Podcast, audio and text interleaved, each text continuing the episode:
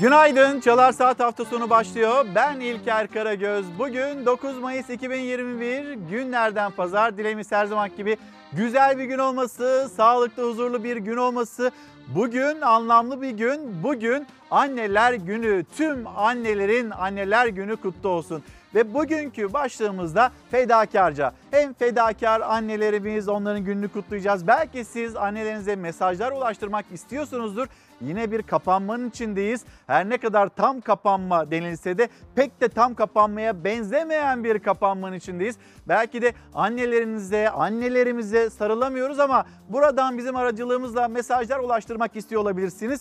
Bize fedakarca başlığı altında ulaşın. Biz de annenize o mesajınızı iletmeye çalışalım. Ama diğer tarafıyla bir virüs var. Bu virüsle mücadelede sağlık çalışanları onlar en başından beri fedakarca mücadele ediyor. Onları da alkışlamak isteriz. Ve yine fedakarca bu mücadeleye destek vermeye çalışanlar var dikkatli bir şekilde bu virüsten kendisini ve etrafını korumaya çalışanlar var.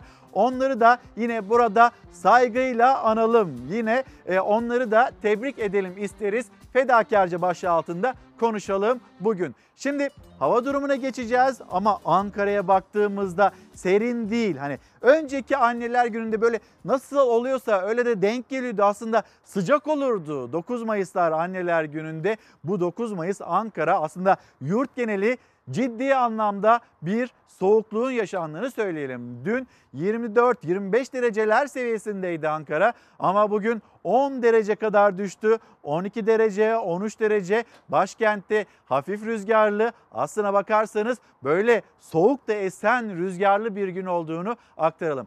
Ve hemen İstanbul'da gösterelim. Yönetmenimiz Hüseyin Agaviç'ten bir rica edeyim. Şöyle bir Fox TV'nin penceresinden tarihi Yarımada'ya baktığımızda İstanbul'da yine bulutlu, güneşli ama yine Ankara gibi memleketin pek çok yeri gibi serin bir sabah olduğunu, günün ilerleyen saatlerinde de çok fazla o hava sıcaklığının yükselmeyeceğini aktaralım. Fedakarca başlığımızı hatırlatıp Şimdi sizleri bir hava durumuyla, memleketin havasıyla da buluşturalım.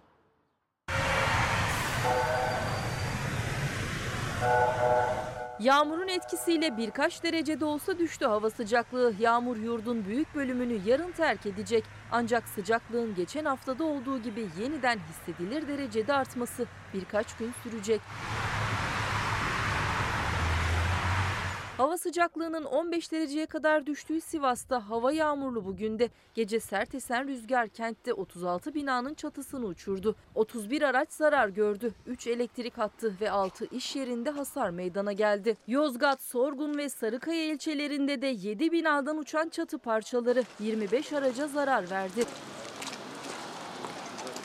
Kuvvetli rüzgar ve şiddetli yağmur iç ve Doğu Anadolu'da etkili olmaya devam edecek. Karadeniz'in tamamı bugün de yağmurlu. Yurdun güneyi ise yeniden artışa geçen sıcaklıkla daha da ısınacak. Güneydoğu Anadolu'da en yüksek sıcaklık 34 derece ile Şanlıurfa'da. İstanbul'da hava bugün 21 derece, yağmur yok. Denizli ve Antalya'da 29, Aydın'da 32 derece. Haftanın ilk günüyle hava sıcaklıkları yeniden artmaya başlayacak. Pazartesi günü yağmur yalnızca Ordu, Giresun, Trabzon, Rize ve Artvin'de etkili olacak. Bir gün sürecek yağış salı günü bölgeyi terk edecek. Yurdun tamamı hafta boyunca güneşe ve sıcak havaya doyacak.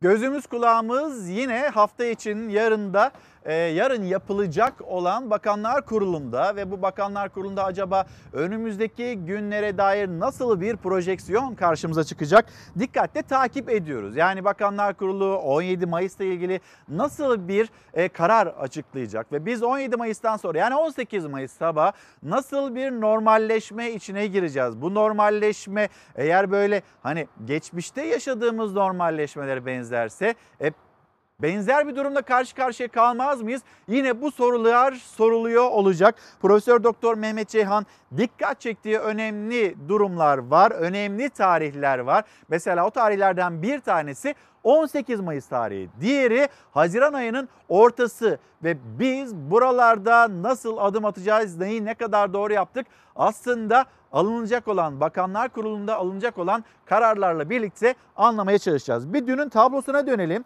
228.873 test yapıldığını görüyoruz. Vaka sayısı 20 binin altında. 18.052 hasta sayısı da yani hastanelerde tedavi görenlerin sayısı da 2178. Erişkin yoğun bakım doluluk oranı %68 yani %70'ler seviyesinde. Bu yoğun bakımlarda aslında çok da fazla yer olmadığını söylüyor bizlere. Hayatını kaybedenlerin sayısının da 281 olduğunu, yine hayatını kaybedenlerin sayısının çok yüksek olduğunu bir kere hatırlatmamız gerekiyor. 17 Mayıs'tan sonra ne olacak? Ee, Sözcü gazetesi yazarı Deniz Zeyrek bununla ilgili Ankara'da kulislerde e, bir takım temaslar kurdu ve 17 Mayıs'tan sonra nasıl bir yol haritasının karşımıza çıkacağı ile ilgili bir takım öngörüler de ortaya çıktı. Birazdan konuşacağız Deniz abiyle ama Profesör Doktor Mehmet Ceyhan bugün düşen vaka sayısını nasıl yorumlamamız gerektiğini anlatacak şimdi bizlere. Fox Haber'den Gülşah İnce'ye konuştu ve Profesör Doktor Mehmet Ceyhan ve iyi ki varsınız fedakarca bu sürecin en başından beri siz de öyle, işte Esin hocam da öyle, Kayan Pala hoca da öyle pek çok hocamız bize yön göstermeye, yol göstermeye de gayret ediyorsunuz. Siz de iyi ki varsınız diyerek de sosyal medya üzerinden sizlere bu hocalarımıza yönelik olarak o karalama kampanyalarını da kınayarak Mehmet Ceyhan hocamıza bir kulak kabartmak istiyoruz. Genelde artık biliyoruz ki bu ortalama yaklaşık yüzde onunu tespit edebiliyoruz biz virüs pozitif olanları. 2 milyon civarında hala virüsü size bulaştırabilecek insan dolaşıyor etrafta. Hala çok sıkı tedbirlerle gitmemiz gereken bir dönemde olduğumuzu gösteriyor bize. 5000'lere falan indiğimizde de çok tedbirli devam etmeliyiz. Artık mutant virüs belirgin olarak genç yetişkinleri ve çocukları daha çok etkiliyor. Her ülke bundan sonra bir yeni bir artış dalgası daha yaşayacak. Ee, bunun kaçınılmaz yani ne yaparsanız yapın. Ee, bu yalnız dalganın düz bir çizgiye yakın mı yoksa yüksek bir dalga şeklinde mi olacağını bizim alacağımız önlemler ve aşılama belirleyecek. İşte toplumsal bağışıklamayı sağlayacak düzeyde yani yüzde 70-75 civarında aşılama yaptığımızda da artık bu sayıların kalıcı olarak düştüğünü göreceğiz. 18 Mayıs'ta birdenbire bütün tedbirleri kaldırırsak yeni bir artış yaşamak birkaç hafta sonra son derece mümkün. Haziran'ın ortasında da bizim bu işte 18 Mayıs'taki normalleşmemizin sonuçlarını göreceğiz yaptık ne çıktı ortaya işte ekstra ne tedbirlere almamız lazımdı onları anlayacağız. Vaka sayısı düşüyor ama bu düşüşü alınan tedbirlere bağlamak çok da doğru değil. Çünkü bu hastalığın bir kuluçka süresi var. Dolayısıyla biz alınan tedbirleri aslında önümüzdeki haftadan itibaren göreceğiz. Ve biz önümüzdeki haftadan itibaren neyi ne kadar doğru yaptığımızı görürken 18 Mayıs tarihinde nasıl davranacağımızla ilgili olarak da bir takım ipuçlarına da sahip olacağız. Okulları ne yapacağız? Esnafın durumunu ne yapacağız? Onlar da fedakarca bir mücadelenin içinde çok uzun süredir. Destek geliyor mu? Maalesef destek gelmiyor. Dün pazarlar açıldı. Pazarcı esnafı onlar e, tüketicilerle karşı karşıya geldi, buluştu. Fiyatlarda birazcık böyle ucuzlama beklentisi vardı ama öyle olmadı. Birazdan o haberleri de paylaşacağız. Sizlerden fedakarca başlığı altında mesajlar geliyor. Annelerinize de mesajlar ulaştırmaya çalışıyorsunuz. E, Lale Hanım günaydınlar annemin ve tüm annelerimizin anneler gününü buradan kutlarım. Lale Esmen yazıp göndermiş. Cennetin bile ayaklarının altında olan kutsal fedakar annelerimizin siz Fox ailesinin nezdinde başta rahmetli annem Şenay Öz olmak üzere ebediyete göçmüş olan tüm annelerimizin bana üç güzel evlat veren e, sevgili eşim Arzu Özün, ailemizin büyüğü olan fedakar ablam Süheyla Yılmaz'ın ve tüm güzel kutsal annelerimizin anneler gününü kutluyorum diyor. Sami Öz de bu mesajı paylaşıyor. Anneler günde elbette ebediyete uğurladığımız, sonsuzluğa uğurladığımız annelerimiz var. O annelerimizde ve onların e, işte hani bizler üzerindeki etkisi, bizler üzerinde bırakmış olduğu sevgi, minnet onları da yine saygıyla anıyoruz. Anneler günü Anneler gününüz kutlu olsun. Annemin anneler gününü kutlayayım. E, kayınvalidemin, sevgili eşimin anneler gününü de kutlayayım. Ben de e, bu vesileyle fedakarca başlığı altında konuşmaya devam edelim. Bu arada kitaplarımız var. Hızlı bir şekilde onları da göstereyim. O kadar çok kitap birikti ki e, mesela Zuhal Taşpınar Boz'un yazıp gönderdiği bir kitap Sır. Faruk Yüceer Yüzbaşıoğlu Talip A yine bizimle paylaşılmış olan bir kitap. Sessiz Çığlık acil servislerden söz ediyor Hüseyin Ayhan da. İşte bir yandan hani böyle annelerimiz onların fedakarlıklarından bahsediyoruz ya hani yemeyip yediren annelerimiz, giymeyip giydiren annelerimiz. E, tabii ki sağlık çalışanları ve yine hastanelerde, servislerde fedakarca hem evlatlarından uzak e, o mesaiyi yürüten ve koronavirüsle mücadele eden sağlık çalışanlarımız, annelerimiz var. Onlara da bir kez daha selamlarımızı iletmek istiyoruz. Korkusuz gazetesinin manşeti hemen onu bir gösterelim. Buruk Anneler Günü Korkusuz Gazetesi'nin manşeti. Karşılıksız sevginin timsali olan annelerimizin Anneler Günü kutlu olsun. Sağlık neferlerinin hasreti bu yılda dinmedi. Koronavirüs salgında karşı büyük mücadele veren kadın sağlık çalışanları anneler gününü ikinci kez evlatlarından uzakta geçiriyor. Bakıyorsunuz etrafınızda bazı insanlar kılı kırk yarıyor bu tedbirlere uymamak için. Yine bakıyorsunuz hastanelere, servislere, kadın sağlıkçılara onlar evlatlarından, sevdiklerinden uzak servislerde bu virüsle mücadele etmeye, bu ölümcül virüsle mücadele etmeye devam ediyorlar. İşte bakın fotoğraflara baktığınızda oğluyla böyle görüşüyor. Uzaktan uzağa cep telefonlarıyla evlatlarıyla görüşmeye çalışan anneler, aylardır çocuklarıyla birlikte yemek yiyemeyen anneler, evlat hasretini yaşayan anneler. Ama tüm bunların içinde mesela hiç pişman olmadım diye bir başlık var. Bakalım Antalya'da bir çocuk annesi Doktor Deniz Evliyeoğlu bu şekilde anne olmak zor. Çocuğuma bir risk taşırım diye korkuyorum ancak anne ve doktor olduğum için hiç pişmanlık duymadım ifadelerini kullandı. Yoğun bakım hemşireleri onlara da iyi ki varsınız diyelim. Fedakarca mücadelelerine destek vermeye gayret edelim. Elini öpeceğim kimse kalmadı. Diyarbakır'da yaşayan hemşire Perihan Çağlar 35 yaşında anne ve babasını ard arda koronavirüse kurban verdi. Anneler gününü ilk kez annesiz geçiren Çağlar elini öpeceğim kimse kalmadı diye ağladı. İşte buruk bir anneler gününü hep birlikte yaşıyoruz. Şimdi hemen sizleri dünyada neler oluyor? Türkiye'nin tepkisini de çeken İsrail, İsrail'in devlet terörü hemen buradaki önemli başlığa götüreyim.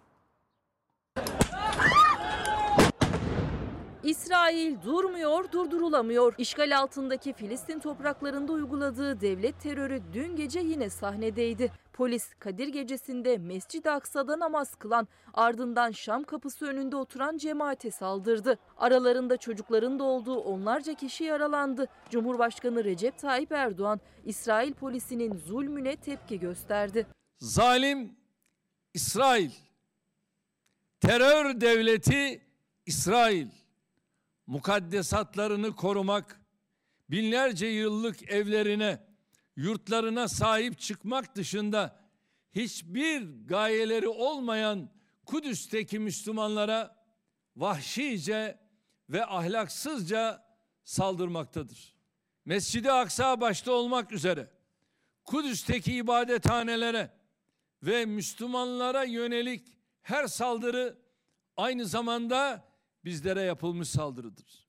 Üç dinin kutsallarını barındıran Kudüs'ü vicdansız, ahlaksız, hukuksuz, saygısız saldırılarıyla kirleten zalimlere karşı çıkmak insanım diyen her bireyin vazifesidir. Kadir Gecesi münasebetiyle geldikleri Mescid-i Aksa'da teravih namazı kıldıktan sonra bir grup Şam kapısında toplandı. İsrail polisi Şam kapısı önündeki oturma alanlarında bulunan Filistinlilere ses bombalarıyla ve basınçlı suyla müdahale etti. Filistin Kızılay'ından yapılan açıklamada yaralanan 90 kişiden 16'sının hastaneye kaldırıldığı bildirildi.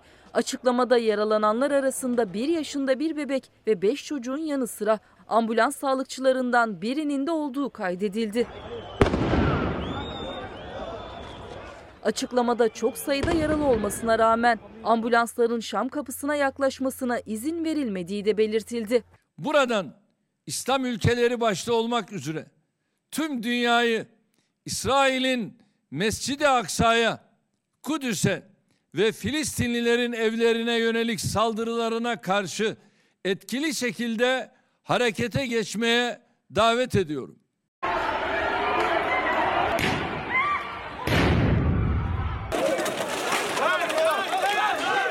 Gerginlik aslında önceki gün bir grubun yatsı namazını camide kılmak istemesiyle tırmanmıştı. Gözü dönen İsrail polisi namaz saati saldırıya geçti. Namaz kılan cemaate ses ve gaz bombaları attı. Kadın çocuk ayırt etmedi. Plastik mermilerle ateş açtı. 205 kişi yaralandı. Cami çevresinde de Filistinliler hedef alındı. Göz yaşartıcı gaz bombalarının yanı sıra tomalardan lağım suyu sıkıldı. İsrail Mahkemesi Doğu Kudüs'ün Şeyh Cerrah mahallesindeki Filistinlilere ait evleri Yahudi yerleşimcilere verdi. İsrail polisi zorla tahliye için evleri bastı. İlk kıblemiz Mescid-i Aksa'ya bu akşam yapılan saldırıyı şiddetle kınıyorum. İsrail'in mübarek Ramazan'da ibadet eden masumların hedef alması insanlık dışı bir olay. İktidar ve muhalefet tek yürek oldu. İsrail zulmüne sessiz kalmadı. İsrail'in işgal topraklarındaki zulmüne dünyadan da tepki sesleri yükseldi. Birleşmiş Milletler Doğu Kudüs'te Filistinlilerin evlerinden zorla tahliye edilmesinin savaş suçu olduğunu açıkladı.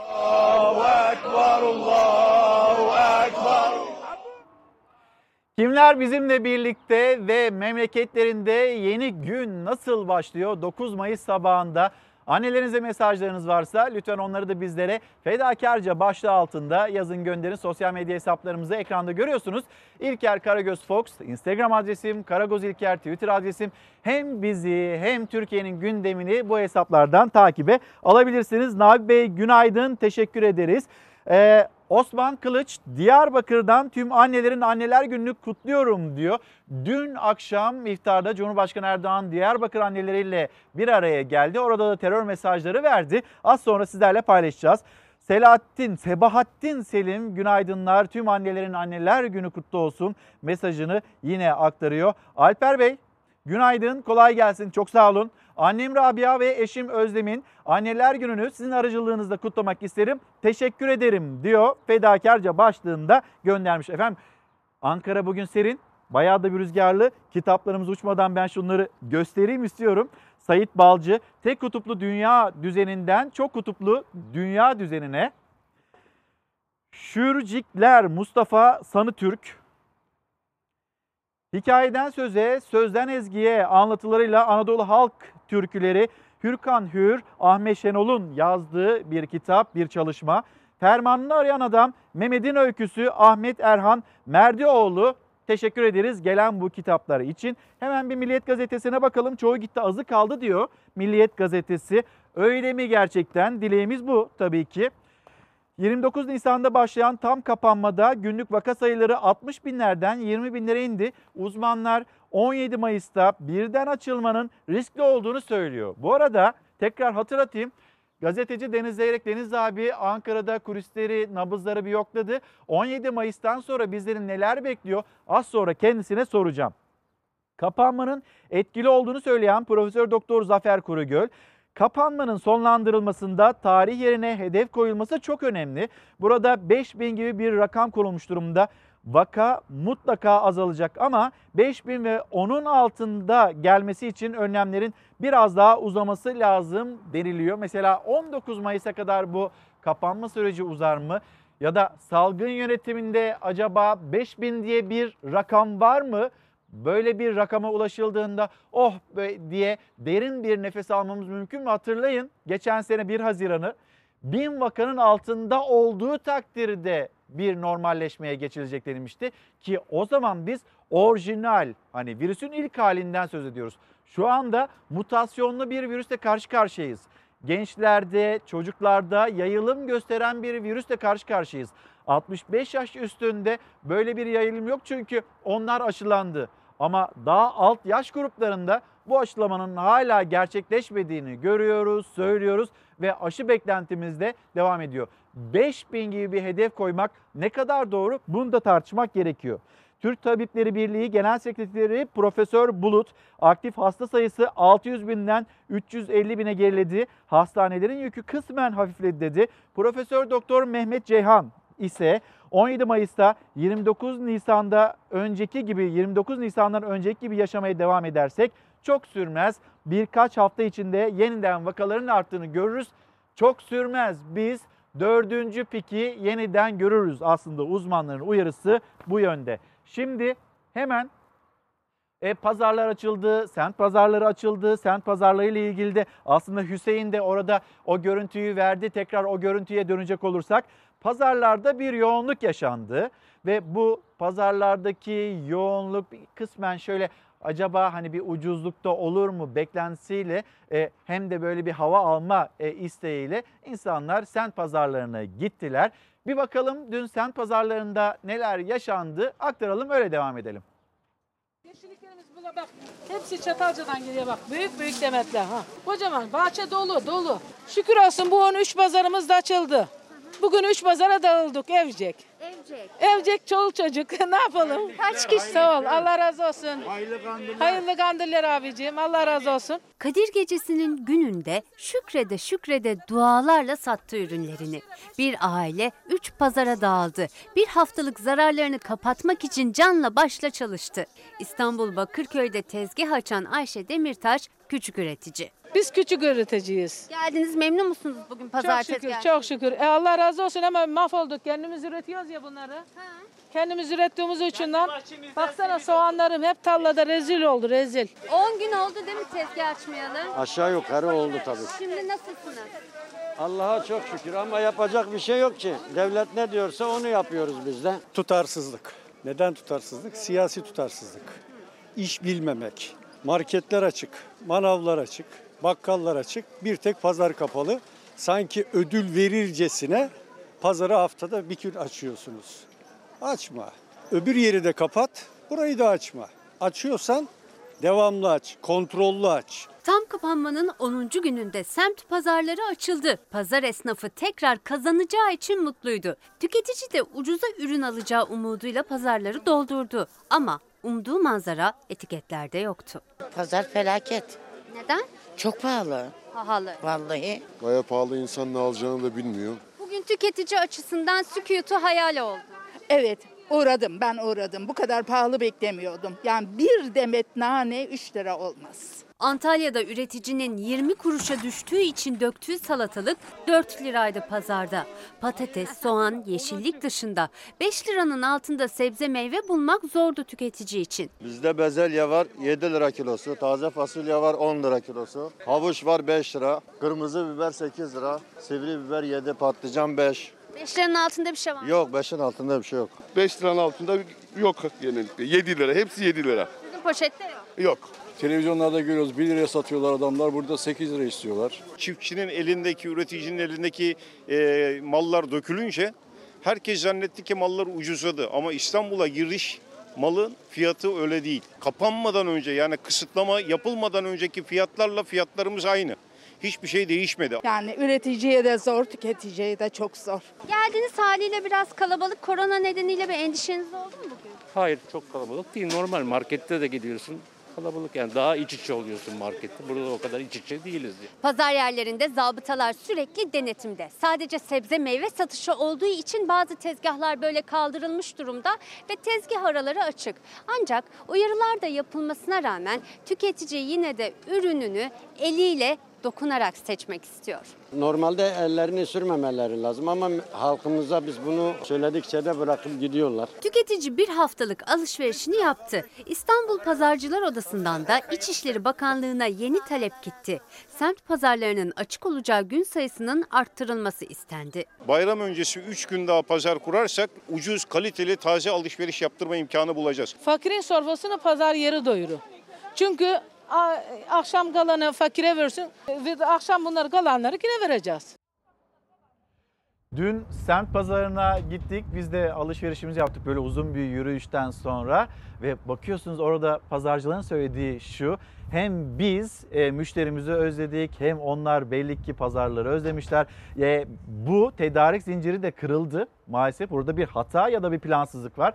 Acaba bu haftada bir gün değil de iki güne çıkartılamaz mı? Önümüzdeki hafta daha fazla e, pazar, semt pazarı kurulamaz mı? Bunun hatırlatmasını yapıyor pazarcı esnafı. Şimdi Sözcü gazetesi yazarı Deniz Zeyrek. Deniz abi yanımda. Abi günaydın. Günaydın. Hoş geldin. Hoş bulduk. İstanbul'da güzel bir gündü. Ankara'ya gelirken böyle rüzgarını da beraberinde getirdin. Evet dün sana inandık böyle güneş. Çok sıcak hava falan diyordun. Abi çok sıcaktı ama. Şimdi E, Nasıl oldu peki? Bir Bilmiyorum abi sen geldin diye mi oluyor? Ne oluyor? Hep de denk geliyor yalnız farkındaysan. Deniz abi şimdi 17 Mayıs ile ilgili senin kulis bilgilerin var. Evet dün Ee, ne olacak? Ne bitecek? Cumhurbaşkanı da doğruladı gibi dün. Kısmen. 17'sinden sonra. Ama devamı da var. Bir anlatsana ne olacak? Şimdi şöyle 3 aşamalı bir geçiş planı yapmışlar gördüğüm kadarıyla. 17'sinde e, başlayacak. E, 17'sinde kafeler işte bu kapalı olan yerler açılacak. E, kafelerde, lokantalarda biraz Londra modeli diyorlar. Yani mümkün olduğunca kapalı alanlar olmasın. E, dışarıda servis e, olsun, dışarıda hizmet verilsin diye. E, dışarıda herkesin bahçesi yok, her lo- lokantanın bahçesi yok. Onlara da işte mer- merkezi hükümet Ankara'dan belediyelere kolaylık sağlayın diye bir şey yapılacak. Yani Deniz abi şimdi 17 Mayıs'ta o zaman tam kapanma bitecek. Kademeli kademeli bir Evet. geçiş olacak. şimdi mesela 19 Mayıs'ta mesela uzaması e, yani ben öyle bekliyordum başta ama konuştuklarım yok. 17'sinde normale döneriz diyorlar. E, işte 21'de hani kapanmadan önce 21'de bir 19'a alındı. Ondan önce 21'deydi. E, 21'de sokağa çıkma yasağı olacak. E, Pazar günleri sokağa çıkma yasağı olacak. E, 1 Haziran'a kadar böyle devam edecek. 1 Haziran'da pazar günü yasakları da kalkacak. E, Ve sokağa çıkma yasağı 22.45'e alınacak. bunu siyasetçiler mi anlatıyor? Hani hani böyle gazeteci Yok, kaynağını saklar da Yok yok karar ve verme mekanizmasında mekanizma olan tamam. ve siyasetçilerle de hani konuşulmuş bu. Ee, şimdi Bakanlar Kurulu'nda son şekli verilecek. Daha önce de biliyorsun ben 17 Mayıs'ta tam kapanma e, Yazmıştın. gelecek diye yani aynı kaynaklardan yazmıştım. Doğru çıktı yani. E, Dolayısıyla hani öyle bir e, şeyim var gü- güveniyorum yani. E, Bir Temmuz'un ortasından itibaren bu yasaklar sokağa çıkma yasakları böyle 24'e kadar uzayacak. Yani 24'ten sonra sabaha kadar sokağa çıkma yasağı olacak. Ee, okullar soruluyor. Hep okulları büyük ihtimalle açmayacaklar.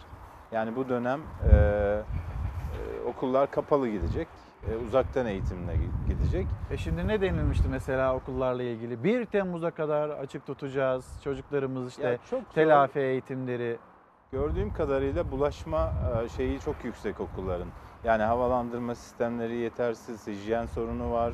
E, baktığın zaman ailelerden dağılımın en büyük kaynağı çocuklar. O zaman elimizden kayıyor Ee, bu sene de eğitim. E, öyle görünüyor. Herhalde ana sınıfları 8 ve 12'ler dışında bu dönem böyle kapanacak. Öyle görünüyor. Peki e, aşı ile ilgili konuştuğun kaynaklar önümüzdeki projeksiyonda hani 240 milyon doz aşı deniliyor. Öyle mi? Gelecek mi? Yoksa takvim yeniden mi yenilenecek?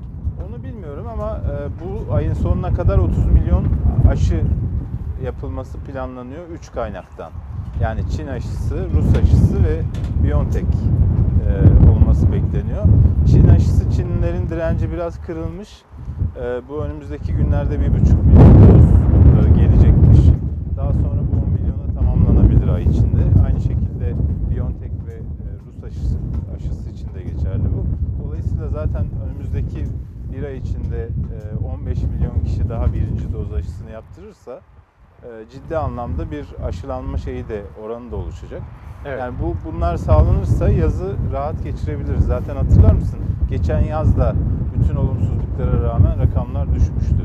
Mevsimsel olarak da Şimdi bir yandan da böyle rüzgar şiddetini arttırdı.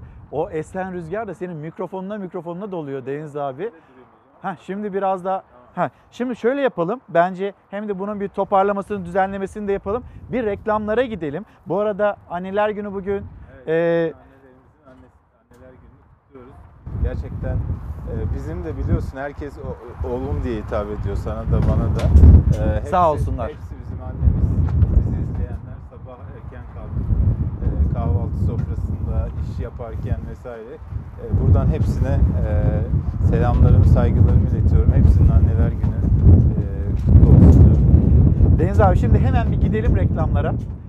Bir ses problemini de halledelim. Sonra yeniden döneceğiz. Türkiye'nin gündeminde sıcak konular, başlıklar var. Deniz abiye soracağım çokça soru var. Hemen o soruları da geçiş yapmış olalım reklamlardan sonra. Efendim günaydın bir kez daha. Çalar Saat hafta sonu devam ediyor. Sizlerden gelen mesajlar var. Fedakarca başlığı altında konuşuyoruz. Ve Ruşen Bey günaydınlar ve annenize geçmiş olsun dileklerimizi de iletelim. Nermin Örs, Osman Gazi Bayraklı'dan kendisi.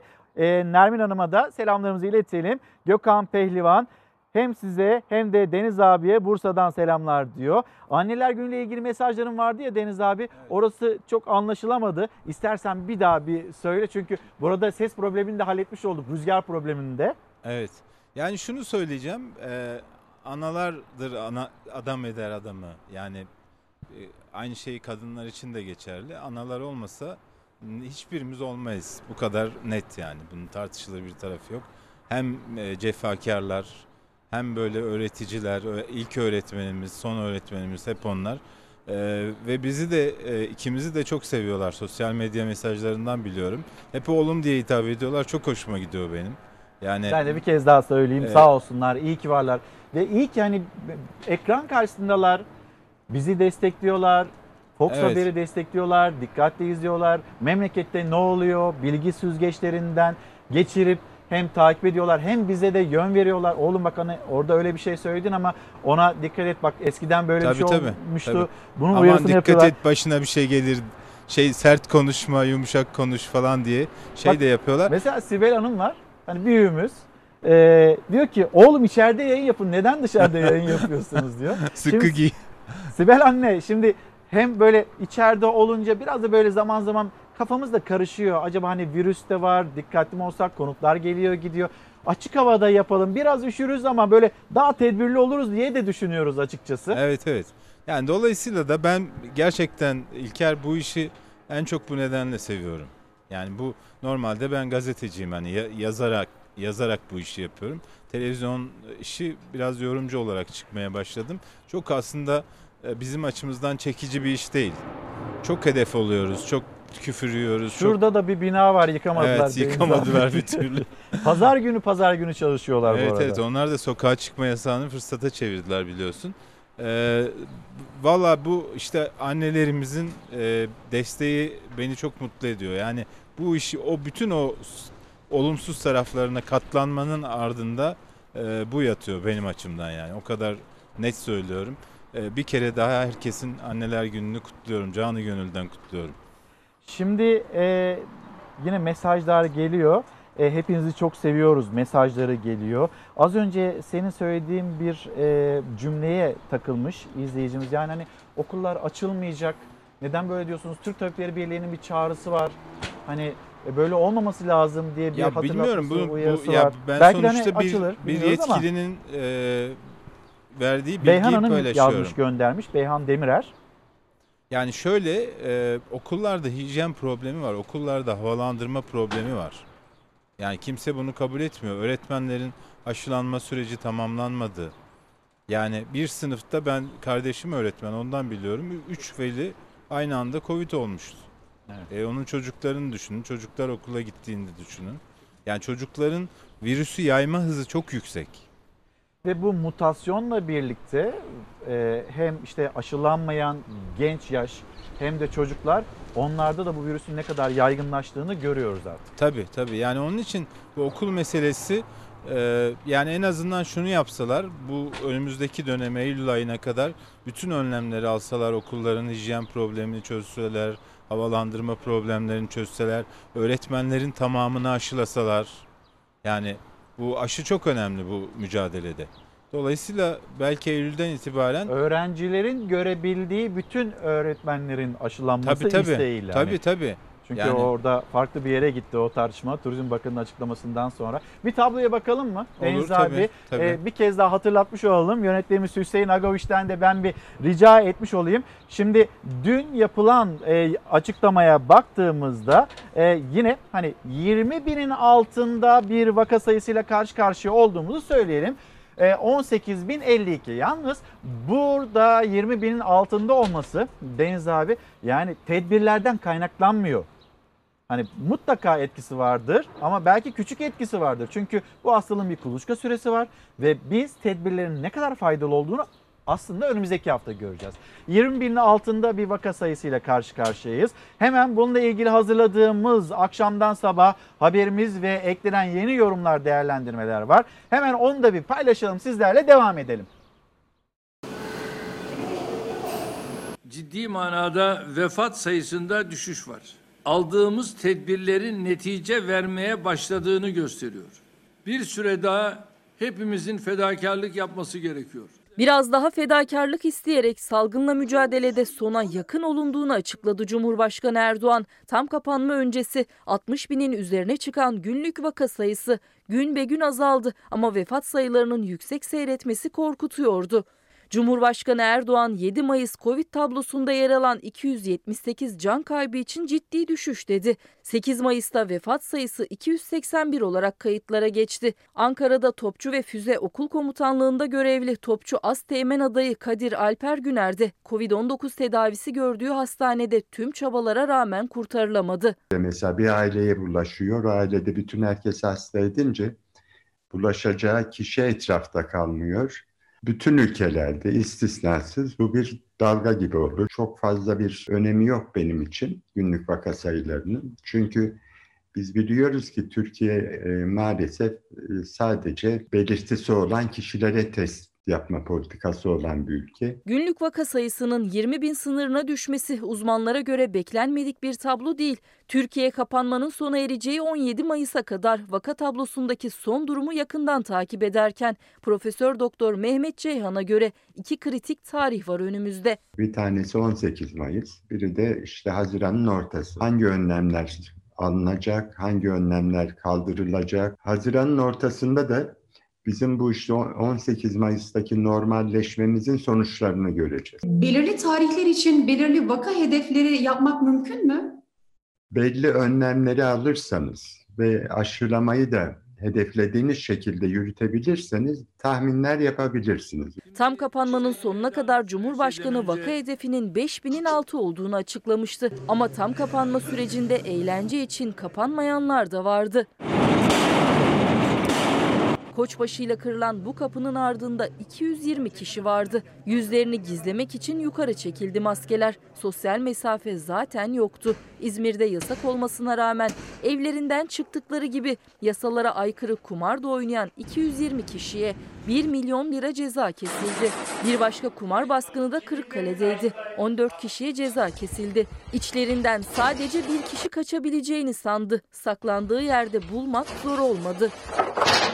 Hiç gözükmüyorum ama. Gel.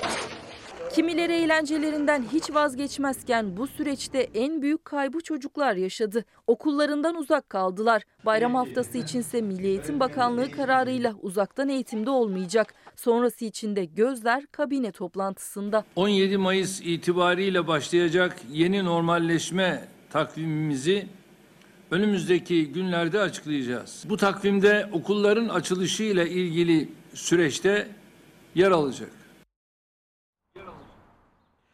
Tanju Önal, günaydınlarımızı iletelim. Murat Öztürk, işsizim, SGK yok, 1100 lira alamadım. Alanların SGK'sı var. e, bu nasıl yardım, bu nasıl adalet diyor. E, yine Erhan Bey günaydın. Annem Aslı, eşim Neslihan ve bize her daim annelik yapan Zeynep Gülseren. Güner, Gülümser Esen ile Asuman Akgün hanımlarında anneler gününü kutluyorum mesajını paylaşıyor. Ben bu isimleri tanıyorum. Tanıyorsun. Er- Erhan Bey dediğin galiba Erhan Öztürk. Evet, Gazeteci, senin hemşerin. gazeteci abimiz, büyüğümüz. Ee, herkes böyle hep elinden gelince. Çünkü Deniz abi ne? E, ulaşamıyorsun sevdiklerine. Sarılamıyorsun. Doğru. E, dolayısıyla böyle bir mesajda da olsa bir jest yapmaya çalışıyorsun. Sesini duyurmaya çalışıyorsun. Bir sıcaklık yaratmaya çalışıyorsun. Erhan Öztürk de bunu yapan izleyicilerimizden bir tanesi. Hem gazeteci Hem de romantik. hem romantik. Evet. Deniz abi şimdi e, tabloya baktık. Orada koç başlarıyla girmişler. Kapıların arkasında insanlar hala böyle kalabalık olmaya çalışıyor. Buna gayret ediyor. Bir tarafta da fedakarca burada mücadele eden sağlıkçılarımız var. Onun bir hatırlatmasını yapıp siyaset başlığına geçelim mi? Mesela animasyona Olur. geçelim mi? Geçelim valla. Ne dersin abi? Şimdi nasıl bir rahatsızlık yarattı? Ee, 48 saat hani kaldı sadece. AK Parti'nin hazırladığı o animasyon, sosyal medya hesabından da yayınladı animasyon. Sonra AK Parti kaldırdı, CHP sahiplendi. Yani CHP'yi karalamaya yönelik olarak hazırlanmış bir animasyonu CHP sahiplendi. AK Parti içinde de bir kriz mi yaşandı? Ne oldu? E, yaşandı tabii. Niye kalktı yani? Amaç hasıl oldu. Amaç neydi? CHP'nin bundan kar kazanması mıydı? Yani başka ne? CHP'nin bu arada yaptığı finali de tebrik etmek lazım. Çok zekice bir şey yaptılar. Yani son kare e, de profesöre hadi indir bakalım maskeyi dediler. Maskenin altından Cumhurbaşkanı Tayyip Erdoğan çıktı. Böylece AK Parti'nin para vererek hazırladığı şey e, video CHP'nin videosuna dönüştü. Yani bu iletişim açısından, siyasal iletişim açısından çok büyük bir başarısızlık. Dün ben bu konuda bir yazı yazdım. Ne zamandır böyle ama? Çok uzun süredir değil Uzun mi böyle? süredir zaten bir, burada ben en çok ne diyorum? Ya benim aklım almıyor bunlar bu hataları nasıl yaparlar? Yani Ekrem İmamoğlu'na mesela ellerini arkada yürüdü diye e, soruşturma açılması bile absürt. Yani saygısızlık kime göre, neye göre? Yani o günden sonra herkesin eli arkada yürüdüğü fotoğraflar göre çıkmaya denildi ya. başladı. Ya. ama işte e, olmuyor, Genelgeler olmuyor. bana göre saygı, saygısızlık, sevgi, sevgisizlik bana göre. Öyle mi oluyor yani hukuk devletinde bana göre hukuk devleti İşte gibi mi hukuk oluyor? Nasıl devletinde oluyor? kişilere göre hukuk olmaz. Kişilere göre ahlak şeyi olmaz. Yani yüzyıllarda ahlak dediğin şey, kültür dediğin şey yüzyıllardan süzülür gelir. Yaşanmışlıklardan süzülür gelir. Kişilerin şeyi olmaz yani. Hukuk devleti ise zaten kanunlar bellidir. Anayasa vardır. Suç vardır, ceza vardır. Bunların hepsi kağıta, kağıda dökülmüştür yani. Dolayısıyla da çok büyük hatalar yapılıyor iletişim e, alanında. Yani orada mesela e, AK Parti tabanı 128 milyar nerede sorusunu çok fazla duymamıştı. Çünkü AK Parti'ye yakın medya kuruluşları bu soruyu e, haber yapmıyorlardı. Mümkün olduğunca sormuyorlardı bu soruyu. Sormuyorlardı. bu şeyde, bu çizgi filmde 8 kere 128 milyar dolar nerede diye cümle geçiyor. 6 ile 8 arasında değişen tezlerde Şey şimdi dezenfektan meselesi. Ruhsar Pekcan işi e, hükümete yakın medyada yer almadı. Yani Ruhsar Pekcan'ın kendi bakanlığına dezenfektan, kendi ürettiği dezenfektanı satması işi orada çok fazla yer almadı. Ama bu yüz kızart, kızart kızarmasını önleyen e, formül diye e, bir şey var, fıs fıs var. Kılıçdaroğlu da onu diyor ki bu dezenfektan mı diyor. Yani dezef- dezenfektan sözcüğü de geçiyor. Onu da kendi tabanlarına yani 12 milyon kişi izledi AK Parti'nin Twitter Geçmiştir. hesabından. Ben en son baktığımda 12 milyondu. Yani 12 Abi şu gazeteleri bana uzatır mısın sana zahmet? Tabii Şimdi ki. Hüseyin Rüzgardan e, uçmasın diye telefonu, telefonum üstüne Hüseyin koydum. şimdi e, Cumhuriyet Gazetesi'nde 128 milyar dolar soruluyor kaldırın bir başlık var Deniz abi. AKP'nin CHP'ye hedef almak için hazırladığı çizgi filmin kaldırılmasını bizzat Erdoğan'ın istediği belirtildi. Erdoğan'ın videoda 128 milyar dolar nerede sorusunun sık sık tekrarlanmasını kızdığı ve hazırlayanlara sert tepki gösterdiği öğrenildi. Tabii tabii. Ya mesela klozet meselesi, altın klozet meselesi. Ya bu e, çok tartışıldı 2015 yılında Hatay valisinin yaptığı. Tam unutulmuştu bu evet, tartışmalar. tam unutulmuştu. Ondan sonra altın kaplı şey e, mutfak e, bataryası, su bataryası. Hatırlıyor musun? Bir aşure gününde e, Emine Hanım bir aşure fotoğrafı yayınlanmıştı. Yan tarafta o zamanın fiyatıyla 2015 fiyatıyla 10 bin lira civarında olan bir e, ünlü bir markanın bataryası vardı ve sarı altın rengindeydi. Şimdi onlar o zaman çok tartışıldı hani lüks. Mesela diyor ki e, yalan işte e, sarayın musluk şey onlar tabii külliye diyor. Sarayın musluklarından süt akıyor. Ya böyle bir şey bulamadım ben mesela. Hiçbir CHP'li söylememiş bunu. Ama e, Cumhurbaşkanlığının yemeklerinde badem sütü menüde var. Badem sütüyle yapılmış ürünler var. Onu da işte Hürriyet gazetesinde Ankara te- temsilcisi Hande Fırat yazmıştı. Hatırlar mısın? Cumhurbaşkanlığının menüsü diye. Hepsi orada geçmiş şeyler. Yani ya CHP'nin yalanı denen şeyler bu ülkede yaşanmış, e, tartışılmış, e, gerçekten hani somut elle tutulur e, şeyleri olan, e, hani e, unsurları olan konular. Dolayısıyla herkesin unuttuğu bir şeyi AK Parti kendi videosuyla CHP'nin yalanları diye tekrarladı. Deniz abi şimdi bununla ilgili hazırladığımız bir haber de var. Hemen o haberimizi paylaşalım sizlerle devam edelim.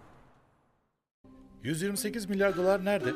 Bunu açıkladılar. Filme baktığınız zaman kötü bir senaryo ve kötü bir yönetmen. AK Parti çizgi film yapıyor. Filmin sonu facia ile bitiyor. Ne oluyor? Film daha yayınlanmadan vizyondan kaldırılıyor. Sadece 48 saat yayında kaldı ama siyaset günlerdir o animasyonu konuşuyor. AK Parti'nin CHP'yi yalancılıkla suçlarken 128 milyar dolar ve dezenfektanın da kullanıldığı animasyon filmini. Yayından kaldırılması yayınlanmasından daha çok ses getirdi.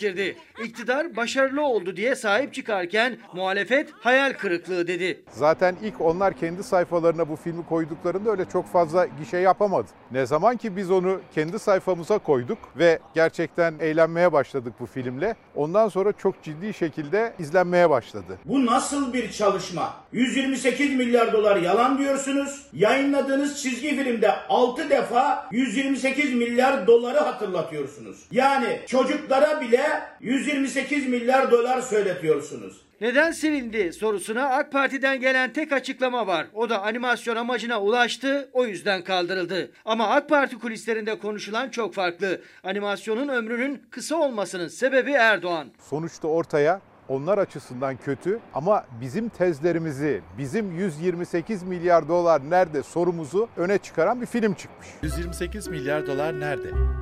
Durduğu yerde duruyor. AK Parti kendini batırıyor. AK Parti unutulanı hatırlatıyor. AK Parti gündeme 128 milyar doları kendi eliyle getiriyor. Ne diyor artık şarkılar? 128 milyar dolar beni hatırlatıyor diyor.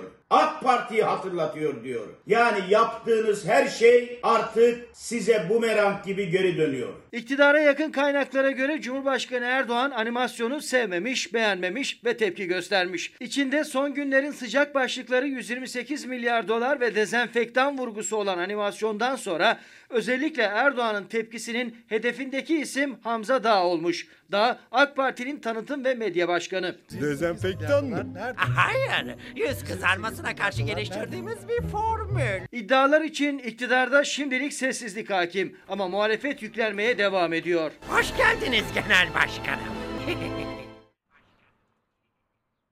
Bu arada o video 17 milyon kez izlenmiş. Ee, hani 12 milyon diye biliyorduk 17 milyona yükselmiş. Şimdi hemen hani muhalefetin yine gündemde tutmaya çalıştığı o soru 128 milyar dolar nerede? Hani hükümet bu konuyla ilgili bu sorunun da sorulmasıyla ilgili e, bir takım çekinceler ortaya koyuyordu. Pankartlar, afişler binalara asıldığında polisler gidiyordu. E, o afişleri de topluyordu. Sonra bir animasyonun sık sık tekrarlanan bir sorusu haline geldi. AK Parti'nin hazırladığı animasyon ve tekrar geri dönecek olursak muhalefetin sorduğu soru muhalefet hala bu soruya bir yanıt arıyor. Dün e, Çalar Saat hafta sonunda CHP Sözcüsü Faik Öztürk'ü burada ağırladık ve hani soru şuydu Faik Öztürk'a. Mesela hani bu 128 milyar dolar gitti ya da işte bir şekilde kullanıldı doları baskılamak için. Biz böyle bir kaynağı acaba kaç yılda yerine koyabiliriz? İşte vermiş olduğu yanıt. 128 milyar doların nerede olduğuna dair daha hala bir bilgi almadık. Kime sattı ve kaçtan sattı? Siz diyelim ki A Bankası'ndan o dönemde döviz aldınız. Sizin bir birey olarak aldığınızın açıklanması ticari sırla bağdaşır mı? Bir merkez bankası kalkıp ben şu bankaya şu kadar sattım diyebilir mi? Böyle bir örnek var mı? Muhalefet 128 milyar doların akıbetini ne zaman, kime, hangi kurdan satıldı detaylı sorularla sorgularken Hazine ve Maliye Bakanı Lütfü Elvan ticari sır açıklanamaz diyerek nokta koydu. Ama CHP'li Faik Öztrak AK Parti'ye geçmişi hatırlattı, arşivleri açtı. 2002 yılının sonunda AK Parti iktidara gelirken kendisi de o dönemde satılan 5 milyar doların hesabını sorarak geldi. 5 milyar dolar nerede? 5 milyar dolar nerede? İktidarının ilk yılında 2003'te AK Parti Meclis Yolsuzlukları Araştırma Komisyonu kurmuştu. O komisyonun ilk işi de Merkez Bankası'ndan satılan 5 milyar doları araştırmak olmuştu. Muhalefet o gün ticari sır olmayan bugün nasıl ticari sır oldu sorusunu sordu. O dönemde de ticari sırdı ama Meclis Yoksulluk Araştırma Komisyonu kuruldu. Kime ne kadar ne satıldığı açıkça ortaya çıktı. Şimdi biz diyoruz ki kime sattın, kaçtan sattın söyle. Diyorlar ki ticari sır. Bunun verilmeyeceğini, verilemeyeceğini kendileri de biliyorlar. Onlar yine söylediklerini tekrar ediyorlar. Ticari sırrın arkasına falan sığınamazsınız. E peki hadi kime verdiğinizi söylemiyorsunuz. Onu kabul etmiyoruz söylemelerini de. Soruyoruz burada hangi fiyattan verdiniz? Burası da mı ticari sır? Siyasi bir malzeme yaptılar. Siz ne söylerseniz söyleyin. Karşıda bir kapı duvar. Muhalefet ısrarcı 2003 yılını referans gösteriyor. Ticari sırrın arkasına saklanamazsınız diyor. Açıklama istiyor. Faik Öztrak eriyen 128 milyar dolarlık rezervin tekrar nasıl biriktirilebileceğini İlker Karagöz'de Çalar Saat hafta sonunda hesapladı. Bir Biraz rezerv önce- acaba Evet. ne kadar sürede toparlanır? Valla benim hesaplamalarıma göre her ay 1 milyar dolar rezerv biriktirdiniz. 128 ayda toplanır. 10 yılda bunu yerine koyabiliriz. Her yeni gün eklenen yeni sorularla 128 milyar dolar nerede sorusu siyasette sorulmaya devam ediyor. Yeni bir yanıt var mı bu 128 milyar dolar nerede sorusunu? Yok kapattı AK Parti. Yani herkes bir Mıştı. cevap verdi. Animasyona kadar. Evet animasyona kadar ama hayır, ce- cevabı kapatmıştı. Soruya başladı. Yani e, şey yok. E, annelerimizin kolunda bugün anneler günü ya. Bir kere Evet. daha hatırlayalım. Annelerimizin kolunda bilezik, e, kasada işte e, hani evlerde bir sürü yanıt verildi. İşte döviz alındı, altın Ya alındı. sizde denildi, yastık altında denildi. Evet evet. Yani bir Nerede sürü cevap sizde? verildi ama hiç Baktı herkes kimse göremedi. Bütün izleyicilerimiz bir yastık altını kontrol etti. Nerede bu para diye. Kimse bulamadı şu ana kadar. Cevap veren de kalmadı. En son biliyorsun Hazine Bakanı Lütfü Ticari Elvan sır mı bu? Yok ya niye ticari devletin şeyi ticari sır olur mu? Eskiden açıklanıyordu. Yani mesela 2017'de Hazine ile Merkez Bankası arasında yapılan protokol gizli tutulmuş. Bu sayede öğrendik. Yani dolayısıyla da bunların açıklanması lazım. Bakıyorsun e, Babacan dönemi bitene kadar yapılmış. Nerede, ne zaman, nasıl alındı, nasıl, kaç liraya bozduruldu, hangi şirket aldı, yani ihale yapıldı mı? Yöntem de bu olmalı Tabii zaten. tabii. Yani böyle bu kadar açık ve net. Ama yani öyle bir hale getirdiler ki ne kasada para kaldı ne faiz düştü. Ya bu normalde doları düşürmek için hani piyasaya bak bir örnek vereyim sana. Ali Babacan'ın görev yaptığı 12 yıl boyunca 8 kere yapılmış bu döviz Piyasayı ihalesi. dengelemek için ya da baskılamak için doları. Toplam 10-12 milyar dolar kullanılmış. 12 yılda. 8 kez yapıldı. 12 milyar dolar evet. kullanıldı. Yani rakamı karşılaştır. Sadece 2019'da 3 kere yapılmış bildiğim kadarıyla E, ve bu 128 milyar dolar erimiş. Ve öyle bir tarih ki yani bakıyorsun 31 Mart yerel seçimlerinin öncesi. Yani piyasaya benim anladığım kadarıyla bu krediler hani KGF'ler onu da böyle ihtiyacı olana falan vermediler yani. Bankalar çünkü bakıyorlar böyle. Ha senin borcun var, senin bilmem e, şeyin iyi değil. e, hani durumun iyi değil vesaire diye vermiyorlar. İyi olanlara veriyorlar. Onlar da Ya gittiler. da şey mi böyle tam da seçimlerden önce Deniz abi iyiyiz Ekonomi de iyi. Bakın işte hani ekonomi Tabii, nasıl tabii, gidiyor tabii. diye Tabii. bakılmak istendiğinde Bol para var. herkes dolara bakıyor. Dolar Tabii. düşükse ekonomi de iyidir Tabii. diye bir algı hem var. öyle hem de piyasaya kredi olarak da Türk lirasına çevrilip piyasaya dola, döviz olarak şey e, kredi olarak da gitti. 200 milyar liralık e, garantili kredi dağıtıldı. Ve birçok e, iş adamı biliyorum ben o kredileri alıp lüks araçlar aldılar, altın aldılar, döviz aldılar. Yani kendi kendi açılarından yatırım aracına dönüştürdüler. Yani bunların hepsi bence e, plansızlıktan, programsızlıktan kaynaklanıyor. Yani nasıl pazar meselesinde olduğu gibi yani pazar meselesini bir iktidarın kapanma planlıyorsa düşünmesi lazımdı. Yani ben bu pazarları yani halkı sokağa çıkma yasağı ilan ediyorum. Pazarı kapatıyorum da pazara mal gönderen üreticinin ürettiği ürünü ne yapacağım diye düşünmesi gerekirdi değil mi? Yani Antalya'da işte Mayıs ayının başında şu kadar Ama domates şöyle oluyor Deniz abi bir genelge yayınlanıyor. Herkes o genelgeden ne anlıyorsa kuralları da öyle uyguluyor. Ya doğru da şimdi bak İlker sen Çanakkale'lisin. Çanakkale'de domatesin bir ta- şeyi vardır değil mi? Hasat tarihi. Ne zamandır ben Yani o değişir işte. Üzüm için ne bileyim bağ bozum zamanı vardır, Ağustos zamanı. Ne bileyim domates için değişir, biber için değişir. Ha, Ayaş'ta mesela Eylül ayında falan hasat başlar. Şimdi yöneticinin, Tarım Bakanı'nın o Eylül ayında Ayaş'ta hasat edilecek domatesi satışını, pazarlamasını planlaması lazım. Yani onu planlamazsan üreticinin elinde kalır. Onlar da götürdüler, çöpe döktüler. Şimdi burada kapanma oldu. Ee, Antalya'daki işte sebze meyve üreticisi ürettiğini satamadı.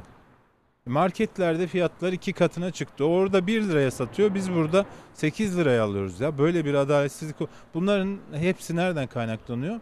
Plansızlıktan kaynaklanıyor. Tıpkı 128 milyarın harcanmasında olduğu gibi.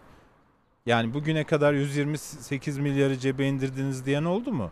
Olmadı. Ama 128 milyarı yanlış kullandınız deniliyor. Böyle bir durum var. Şimdi pazar meselesini açtın Deniz abi. O zaman ben de e, hemen seninle de paylaşmış olayım. izleyicilerimizle de paylaşmış olayım. Ankara Yeni Mahalle'de bir pazara gidelim. Hani vatandaşın durumu, esnafın durumu, onlar nasıl bir tablonun içindeler? Bunu da gösteren bir haberi ekranlarınıza getirelim. 200 ton elmam şimdi çürümeye başladı. Her gün pazarlara çıkıyordum. Bu pandemin dolayısıyla pazarlar kapandı. Benim malım içeride çürüdü. Şimdi ben pazara gelmişim. Kocam pazarcıydı. Bak pazarcı eşi bunu götürüyor bak. Bak. Halit Aras üretici. Tam kapanmada pazarlar sadece cumartesi günü açılınca 200 ton elması depoda kaldı. Satıp para kazanamayınca tüketemedi de. Eşi Filiz Aras pazarda alışveriş çantasını dolduramadı. Yaşadığı hayal kırıklığıyla gözleri doldu, sesi yükseldi. Şimdi benim eşimin emeklisi yok. Bir yardım bize veremiyor diyor. Senin kocan esnaftır. Hani esnaftır ben aç da ölüyorum. Hani esnaflık nerede kaldı? Bizim çoluk çocuk pazarda bir ekmek yiyorsun. Ben onu tutuyorum. Ben bir tavuk yiyemedim ya. Bu kadar olmuyor ya. Sadece o da değil, Ankara'da dar gelirlinin gittiği Şentepe pazarında kapanmaya rağmen eli kolu poşetlerle dolu alışveriş yapan pek yoktu. Pazar alışverişine çıkmışsınız. Ha, yarım kilo fıstık aldım işte. Domates alacağım, salatalık alacağım, gideceğim eve. Benim eşim emekli. Benim bir çalışmayan oğlum var, bir gelinim var. İş bulamadı şu şeyden dolayı oğlum, çalışıyordu. Bir torunum var, ona bakıyoruz. Dün gittim evlerine, babaanne çilek alır mısın? 15 liraydı çilek, yarım kilo aldım. İnsan çocuk olunca kendi yemiyor, yediriyor. Ay, torun daha önemli. Alacağız, mecbur alacağız. Kendime şimdi yarım kilo alıp gideceğim şuradan. Ne yapayım, gücüm anca ona yetiyor. Bir poşet aldım gidiyorsun ya. Para yok neyle alın ya. Yok. Daha öyle oğlan var seyyarıdı. O da seyyarı kapattılar. Üç aydır boş duruyor ya. Ne alacaktınız efendim? Domates alacaktım 7 lira dedi. Salatalık 6 lira, domates 6 lira, havuç 5 lira, turp 5 lira, karnabahar brokoli 5 lira, ıspanak 5 lira, Kıvırcık? 5 lira. Hepsinden birer kilo alınsa 37 lira ediyor. Sağlıklı ve yeterli beslenmede 1 kilo sebze meyve birkaç günlük ama kimi az az alıyor, çabuk bitmesin diye de dikkatli tüketiyor. Bir hafta alıyoruz, ertesi hafta gelemiyoruz. Yani öyle kendimizi ayarlamaya çalışıyoruz. Bir de şimdi Ramazan ya, belki hani şey yapmıyor, yenmiyor o yüzden de. Ne yapıyoruz? Çünkü pahalı olduğu için Hani Hiç alacak gücü olmayanlar içinse Yeni Mahalle Belediyesi devreye girdi. Pazar esnafından satın aldığı 1 kiloluk meyve sebze ücretsiz ihtiyaç sahiplerine dağıtıldı. Askıda pazar tezgahı dolduğu anda boşaldı. Ha, iyi oldu, iyi denk geldi aslında. Birçok insan faydalandı. Tezgahta bunların fiyatları ne kadar efendim baktınız? Valla epeydir gitmiyorum aslında pazara. Askıda pazar tezgahına pazar esnafı da destek verdi. Yeni mahalledeki tüm pazarlarda 50 bin liralık yardım dağıttı belediye. 500 milyon alışveriş yaptı. 20-30 lirada biz katkıda bulunuyoruz. 10 kilo aldıysa işte biz katıyoruz 13 kilo dağıtıyoruz. Pazarcıların bir sıkıntısı var. Şimdi hepsini bir günde açtığımız için pazarlarda esnaf sayısı az. Malını da satamıyor. Pazar esnafı zordu ama şahit oldukları daha da zor. Tezgaha gelip de hiç alamayıp bakıp giden var mı? Çok var çok. Bir çürük meyve muhtaç olan bir insan var. Pazar artıkları, pazar diplerindeki çürükleri toplayıp götürüyorlar. Yani elimizde geldiği kadar biz de yardımcı oluyoruz. Semt pazarında durum bu. Askıda pazar kampanyası, vatandaş, esnaf hani ciddi sorunlar yaşıyor. Ve bu süre içinde de Deniz abi böyle fedakarca, elinden geldiğince, başarabildiğince e, koronavirüsle mücadelede katkı sağlamaya çalışıyor. Peki hani onlar bu katkıyı sağlarken acaba yönetenler bir katkı veriyor mu, vermiyor mu? Onu konuşalım. Bir de soru soracağım Deniz abi sana. Sen hiç hani senelerdir gazetecisin. Kaç sene oldu Deniz abi? 27. 27 yıldır bu işi yapıyorsun. Evet. Hiç taksiyle 50 lira çalmaya gelen bir hırsız gördün mü görmedin mi? Bu sorunun yanıtını haberimizi izledikten sonra Deniz Zeyrek'ten alacağım.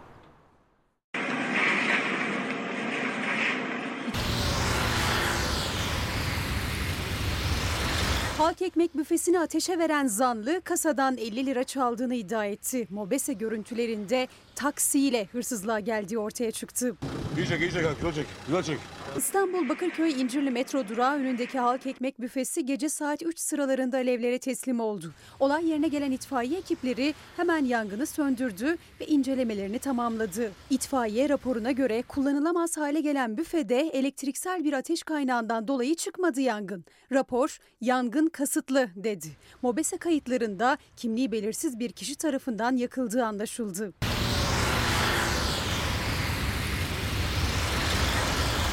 İşte o zanlının emniyet tarafından yayınlanan görüntüleri. Kamera kayıtlarını inceleyen polis şüpheli AY'nin Bağcılar'daki evini tespit etti, gözaltına aldı. Polise verdiği ilk ifadesinde kasadaki 50 lirayı alıp iz bırakmamak için büfeyi yaktığını söyledi. 50 lira için büfe yakan hırsızlık şüphelisinin taksiden inerken görüntülenmesi ise dikkat çekti. Zanlı AY tutuklanarak cezaevine gönderildi. İyi çek, iyi çek, Hırsızlık için mi girmiştin? Nereye girmişim ya? Ekmek büfesine. Gördün mü gözünü? Gördüm. Deniz abi ne dersin? Ya yalan söylüyor tabii ya. Yani bence doğrudan halk ekmek büfesine hedef almış. Oo çarpacak. Yakaladım. Evet. Yani bu burada buna e, hani kargalar bile güler diyeyim. Böyle bir şey mümkün değil yani. Hem de taksi parası 50 liradır belki de yani. İçeri gir- girdi, yaktı, gitti yani bu kadar. Yakalanınca da bir avukat ona akıl vermiştir şöyle de diye. Ama netice itibariyle hem kamu malına zarar verdi hem insanların ya insanların ekmeğiyle oynayanlar hiçbir zaman abad, abad olmaz. Geçen hafta burada paylaşmıştık. Yine e, Gülşah İnce'nin bir röportajından. Bir kadın, bir anne ekmek büfesinin önünde nasıl konuşmuştu Deniz abi? Değil mi? Yani bu vesileyle de e, Özgen Nama'ya Halk Ekmeğin e, yönetim kurulu başkanına geçmiş olsun diyelim. E, ko- korona olmuş o da hastanede yatıyormuş. Geçmiş olsun. E, ya gerçekten ben bu aralar kadınlara kulak veriyorum. Anneler gününü bir kez daha yad edelim. Anneler bak biraz önce pazarda da bir kadın konuştu. O da çok net bir şekilde durumu ortaya koydu. O halk ekmek büfesinin önündeki anne de çok net bir şekilde tavrını ortaya koydu. İşte Karadeniz'de, İkizdere'de de o anneler de çok net bir şekilde yani toprağa sahip çıkıyorlar, ekmeğe sahip çıkıyorlar, paraya sahip çıkıyorlar. Yani muhteşem bir şey ya. Biz bence bu kadınlara kulak verelim. Bütün gerçeği bütün çırp, çıplaklığıyla ve en sade şekilde anlatıyorlar İlker ya. Ee, yani bir, bir bu yalancı e, hani bir şey söylemek istedim ama söylemiyorum bu hırsıza. Yani öyle de bir şey var ki yani insana e, hırsızın hiçbir suçu yok dedir, dedirtiyor ya. Bunu bir de çıkarmışlar e, hırsızın ifadesi diye basına dağıtıyorlar ya. Çok merak ediyorum. Ben bunu takip edeceğim. Ne ceza verecekler? Yargılama sonucunda ne olacak? Ee, asıl motivasyonu nedir? Bunlar yakında ortaya çıkacak. Şimdi Deniz abi e, kadınlar dediğin hani ne kadar cesurca yaşanılan problemleri anlatıyorlar dedin. Bir yandan da kadına yönelik şiddet bitmiyor ve kadınlar seslerini duyurmaya çalışıyor. Bununla ilgili bir haberimiz var. E, sizinle de paylaşmak istiyoruz açıkçası. Yani bir feryat var. İnsanlar artık böyle arkasını dönüp gitmesin. Yani ne yapılacaksa, nasıl başarılacaksa bir kadın yaşamak istiyor. Lütfen sesi duyulsun. Şu an kendinizi güvende hissediyor musunuz? Hayır kendimi güvende hissetmiyorum. Yani can sağlığım tehlikede. Çünkü kendisi şu anda dışarıda. Kendini güvende hissetmek bir yana dışarı çıkmak onun için ölüme gitmek gibi. Çünkü güvenlik kameralarına da yansıdığı gibi onu elindeki sopayla öldüresiye döven eski eşi hala dışarıda ve tekrar karşısına çıkmayacağının da garantisi yok. Çünkü beni kendisi daha önce iki kere darp etti. Bu üçüncü edişi. Bir tek darplarında değil, şik- e, tehditlerinde de şikayette bulundum.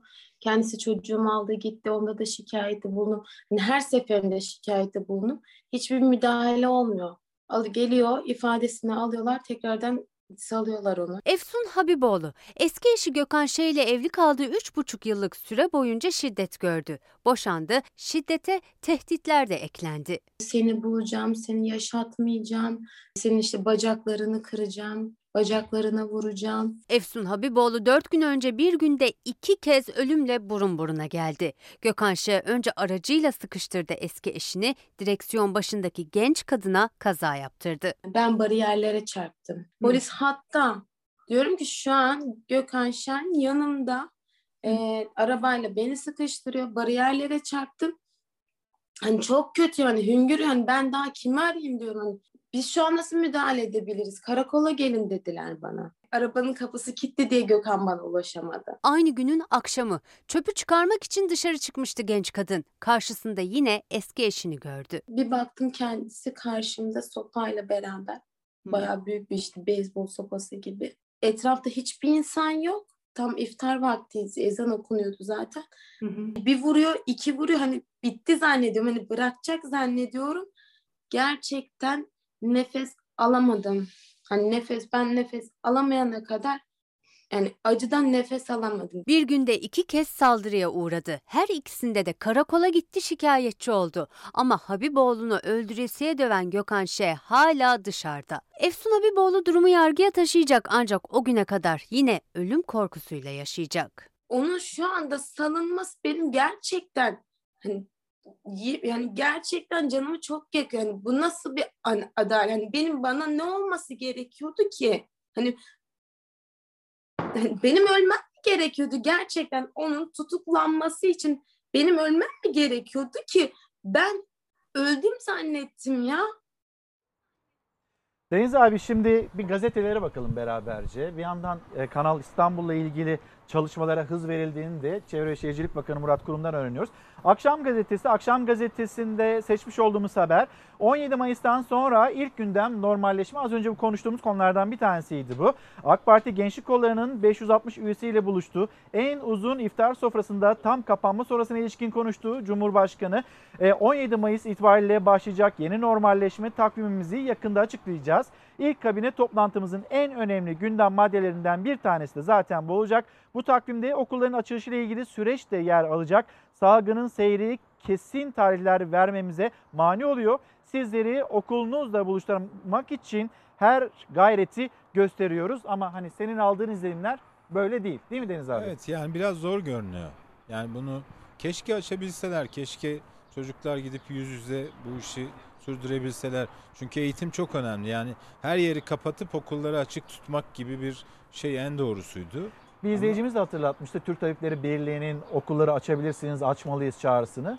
Ama Ya bunun da bir aması işte var. Ama yani Almanya'daki gibi açsan oluyor da Almanya'da açtılar yani. Ama Her yeri Türkiye'de- kapattılar. Ama senin okullarında havalandırma yok. Senin okullarında hijyen sorunu var, temizlik sorunu var. Yani okul aile birlikleri olmasa, e, belediyeler olmasa okullar doğru dürüst temizlenemiyor bile yani. Maalesef. Şimdi böyle bir e, durum da var. E, Dolayısıyla bu bir imkan meselesi. Keşke imkanları iyi olsa da e, bu koronaya rağmen okullarımızı baştan sona kadar açık tutabilsek ama biraz zor görünüyor. Bir başka haber pazarda kontrollü, markette sınırlı alışveriş. Semt pazarları önlemlerle açıldı. Vatandaşların sebze meyveleri seçerek almasına izin verilmedi deniliyor. Dün ben de pazardaydım. Yani bazı yerlerde öyledir. Ya Ama bazı yerlerde de öyle değildi. Bu tam bir standarda bağlanmış durumda değil. Belli ürünleri satan marketlerden bazıları da müşteri çekmek için meyve sebzede indirime gitti deniliyor. Fiyatlar nasıldı İlker? Fiyatlar e, geçen haftayla aynıydı. Bizim gittiğimiz 100. yıl pazarında öyleydi ama beklenti hani böyle bir tedarik Hayır, zinciri kırıldı. O kadar çok böyle mahsul de ortada kaldı ya. Bir ucuzlama beklentisi vardı ve olmadı. Onu çok fazla göremedi tüketici. Marketlerle kıyasladığında Marketlerle kıyasladığında marketler hep yüksek. Onların kendi tarlası var, kendi üreticisi var. Marketler zinciri artık burada. Tabii, tabii. Hani hal yasasını değiştirmediğin sürece onlar piyasayı domine ediyor. tabii. Dolayısıyla marketlerde yüksek. Bazıları gene münferit galiba fiyatlarda indirime gitmişler. Mümkündür. Hani semt pazarı açıldıysa markette o gün için böyle bir indirime gitmiş olabilir. Sözcü gazetesine bakalım bir de Hüseyin'im. İktidar seçim öncesi verdiği sözleri yıllardır tutmuyor. Vaatler lafta kaldı. Türkiye'yi her alanda kalkındıracakları vaadiyle oy istediler. Pembe tablo çizdiler. Ancak vaatlerini bir türlü yerine getiremediler. İşte onlardan bazıları. 3600 ek gösterge Deniz abi. Evet. Enflasyon. Enflasyonla ilgili her ay başka bir şey söyleniyor. Ee, Bir de bizim bizim enflasyonla TÜİK'inki çok uymuyor yani. Şimdi mesela akademisyenlerin açıklayacak olduğu ya da açıkladığı enflasyona da Ona da yasak getirdiler. itirazları var. Önümüzdeki Yasakladılar günlerde bu galiba. suç, bu bir yasak olarak Evet. karşımıza çıkabilir. Faiz ve döviz. Yani verin yetkiyi, İkisi faizleri birden görün, yükseliyor. nasıl dövizin düştüğünü görün. İkisi bir- İşsizlik, 11 milyon işsiz var memlekette. E, yargı reformu. Bu arada anayasa e, ile ilgili Milliyetçi Hareket Partisi'nin bir çalışması taslağı var. Evet. E, acaba iktidar hani AK Parti cephesinde MHP'nin hazırladığı taslağa nasıl yaklaşılır? Sıcak yaklaşılır mı? Kısaca Ee, alayım onu abi. Valla ben e, benim yani şahsi fikrim parlamenter sistem. Ama e, yani başkanlık sistemini savunuyorsa AK Parti MHP'ye kulak vermek zorunda. Çünkü MHP'nin e, hazırladığı anayasa taslağında e, başkanlık sisteminin eksikleri gedikleri tamamlanıyor. Yani başkan yardımcılarının halk tarafından seçilmesi vesaire başkanlık sistemiyle devam etmek istiyorlarsa AK Partililer bence MHP'ye kulak vermeleri gerekiyor. Verirler mi? Zannetmiyorum. İşte o, hani verirler mi? Zannetmiyorum yani. İşlerine gelmez çünkü. İttifakta bir çatlak olmaz mı? Yo olmaz yani. Başka Böyle devam Yani eder. andığımız konusunda ne oldu? Sayın Bahçeli çok sert çıktı. Çok ciddi tepki gösterdi. Andımız okutuluyor mu okullarda? Okutulmuyor yani. E, AK Parti kanadı e, MHP'nin bu sert tavrını duymazdan geldi. Bir sorun çıktı mı? Çıkmadı. Ee, çiftçi, esnaf ve yoksulluk meseleleri burada da ciddi vaatlerde bulunuldu ama o vaatler yerine gelmedi diyor Sözcü gazetesi. Turisti koruyoruz ama öğretmeni unutuyoruz. 1.3 milyon öğretmenin yaklaşık 150 bini aşılanabildi. Bu konuyu da konuştuk. Hani az önce de yine bir kez daha dillendirdik. Hedefteki profesörden ya Şimdi dikkat ediyorsun değil mi Deniz abi? Mesela biz Mehmet Hoca'ya soruyoruz, Esin Hoca'ya soruyoruz, işte Kayan Pala Hoca'ya soruyoruz. Bu konuda halk sağlığı uzmanlarına sorular soruyoruz. Ne yapılabilir, nasıl bu virüsten koruruz ve uzaklaşırız toplum olarak diyoruz. Tutuklansın diye e, Ya etiketler işte açıyorlar. Nankörlük. Na- Yani bu bunu yapanlar nankör insanlar. Bu bilim insanları olmasaydı hepimiz karanlıkta bir şeyler arayan insanlar gibi sağa sola çarparak yürüyecektik.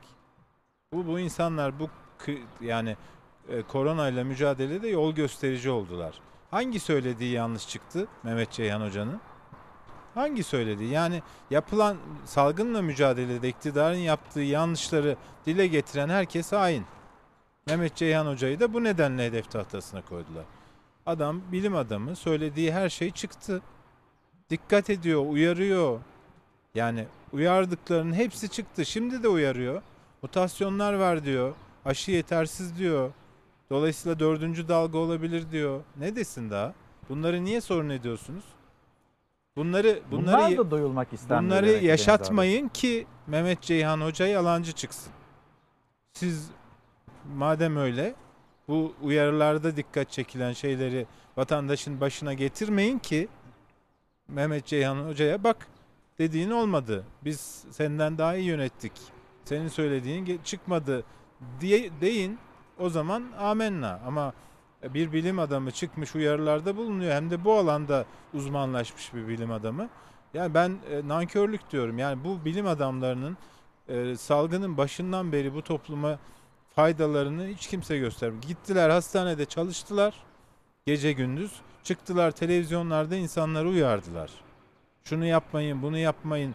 Biz de yeni tanıyoruz. Deniz abi dün bizim bülteni izledin mi? İzledim. Şimdi e, orada sağlıkçılarla ilgili alınmış bir karar vardı. Ve biz e, hasta olduğu için izin alan bir hekimin maaşının kesildiğini Evet. yeni öğrendik. Bir paylaşalım o haberi. Hemen bir ekranlarınıza getirelim onu konuşalım. sosyal hukuk devleti böyle durumlarda çalışanın yurttaşın yanında olması beklenir. Ancak en zor zamanında e, hastalığında yanında olmayı bırakın. Hasta olduğunda bu kişi açlığa terk ediliyor.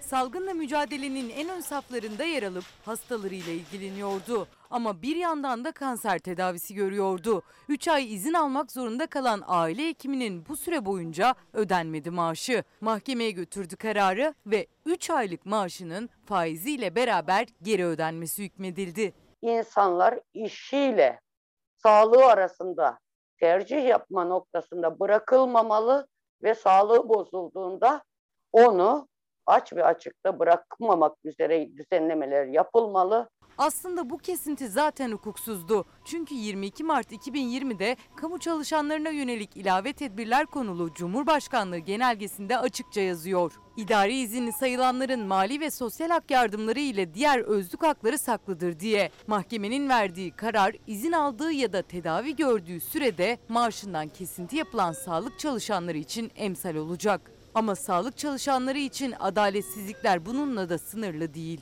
Ek ödeme değil, maaş düzenlemesi istiyorlar.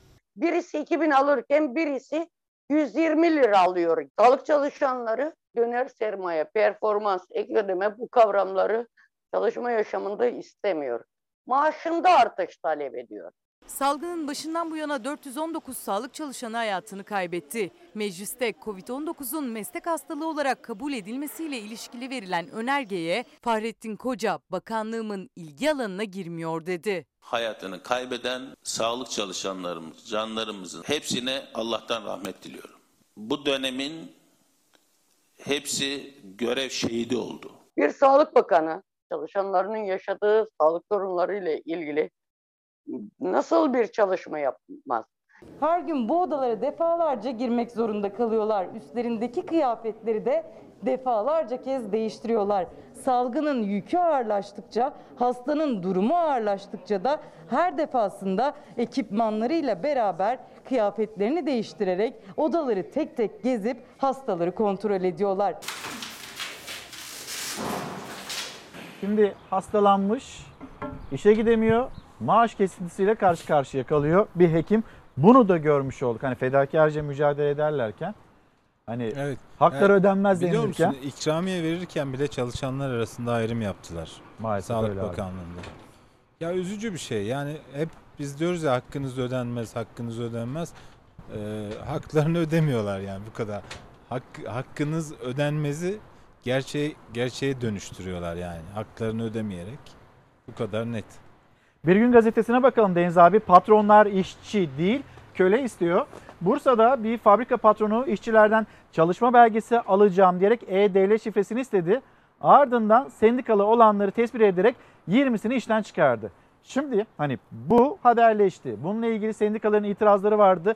Cumhurbaşkanı Erdoğan'a da ilettiler. O zaman burada bir şey yapılması gerekiyor. Bu kötü niyetli patronlarla ilgili.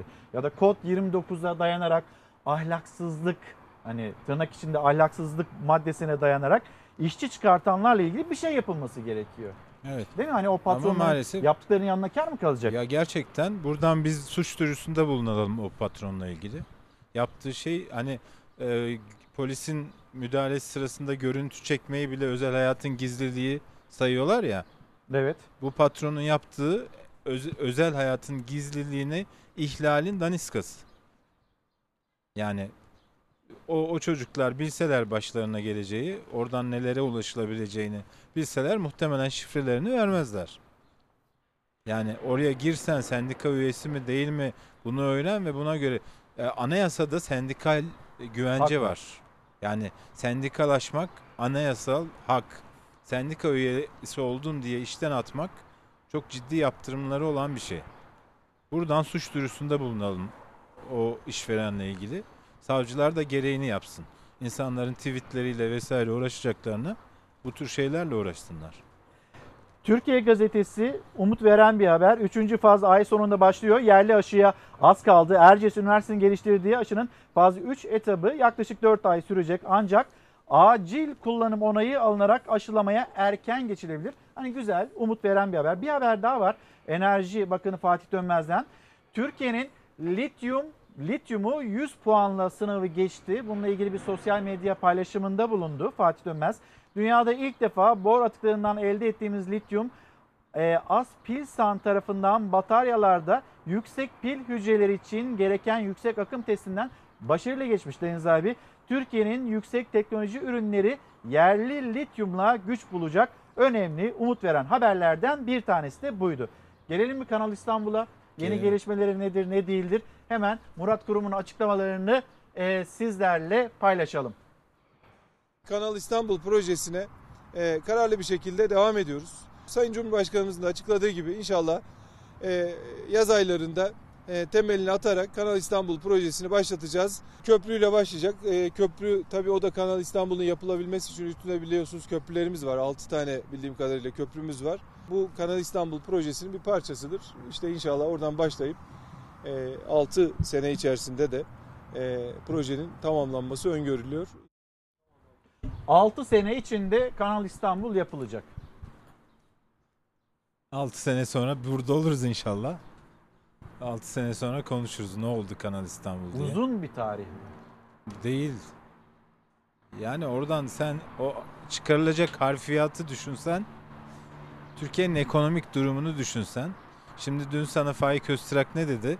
128 milyar ne kadar zamanda yerine konulur? 10 yıl. Her Sağda yıl 1 bir milyar, milyar yaparsan. dolar koyarsan yapabilir mi? Keşke. Yani ya neyse bununla ilgili de bir atasözümüz var da söylemeyeceğim. Deniz abi bugün ne kadar çok atasözü var söylemediğin, söyleyemediğin.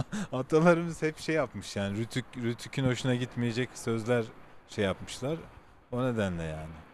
Şimdi o zaman anneler gününe bir geçiş yapalım. Bu arada bizlere e, hani günaydın diyen izleyicilerimiz var. Bizleri takip alan izleyicilerimiz var.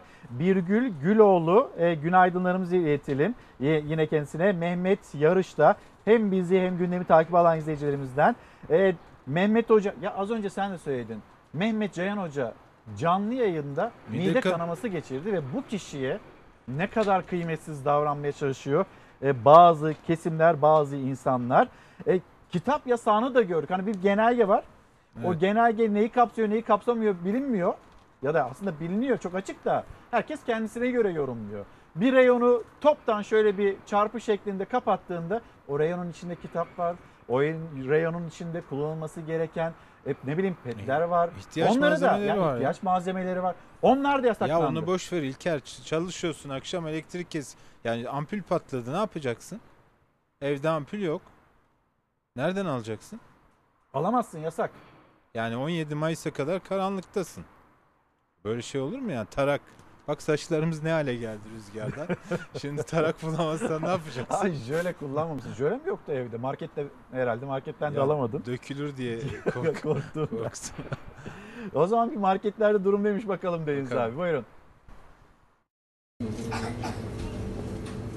Markete gidince gördüm onu da. Bazı standlar kapatılmış da bence yanlış bir şey.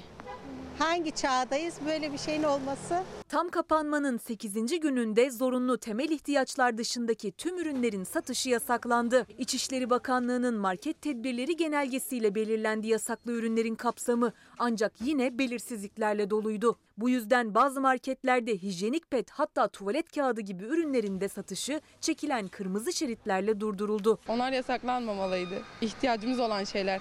Mecbur Nereden alacağız başka? Ama açılması lazım.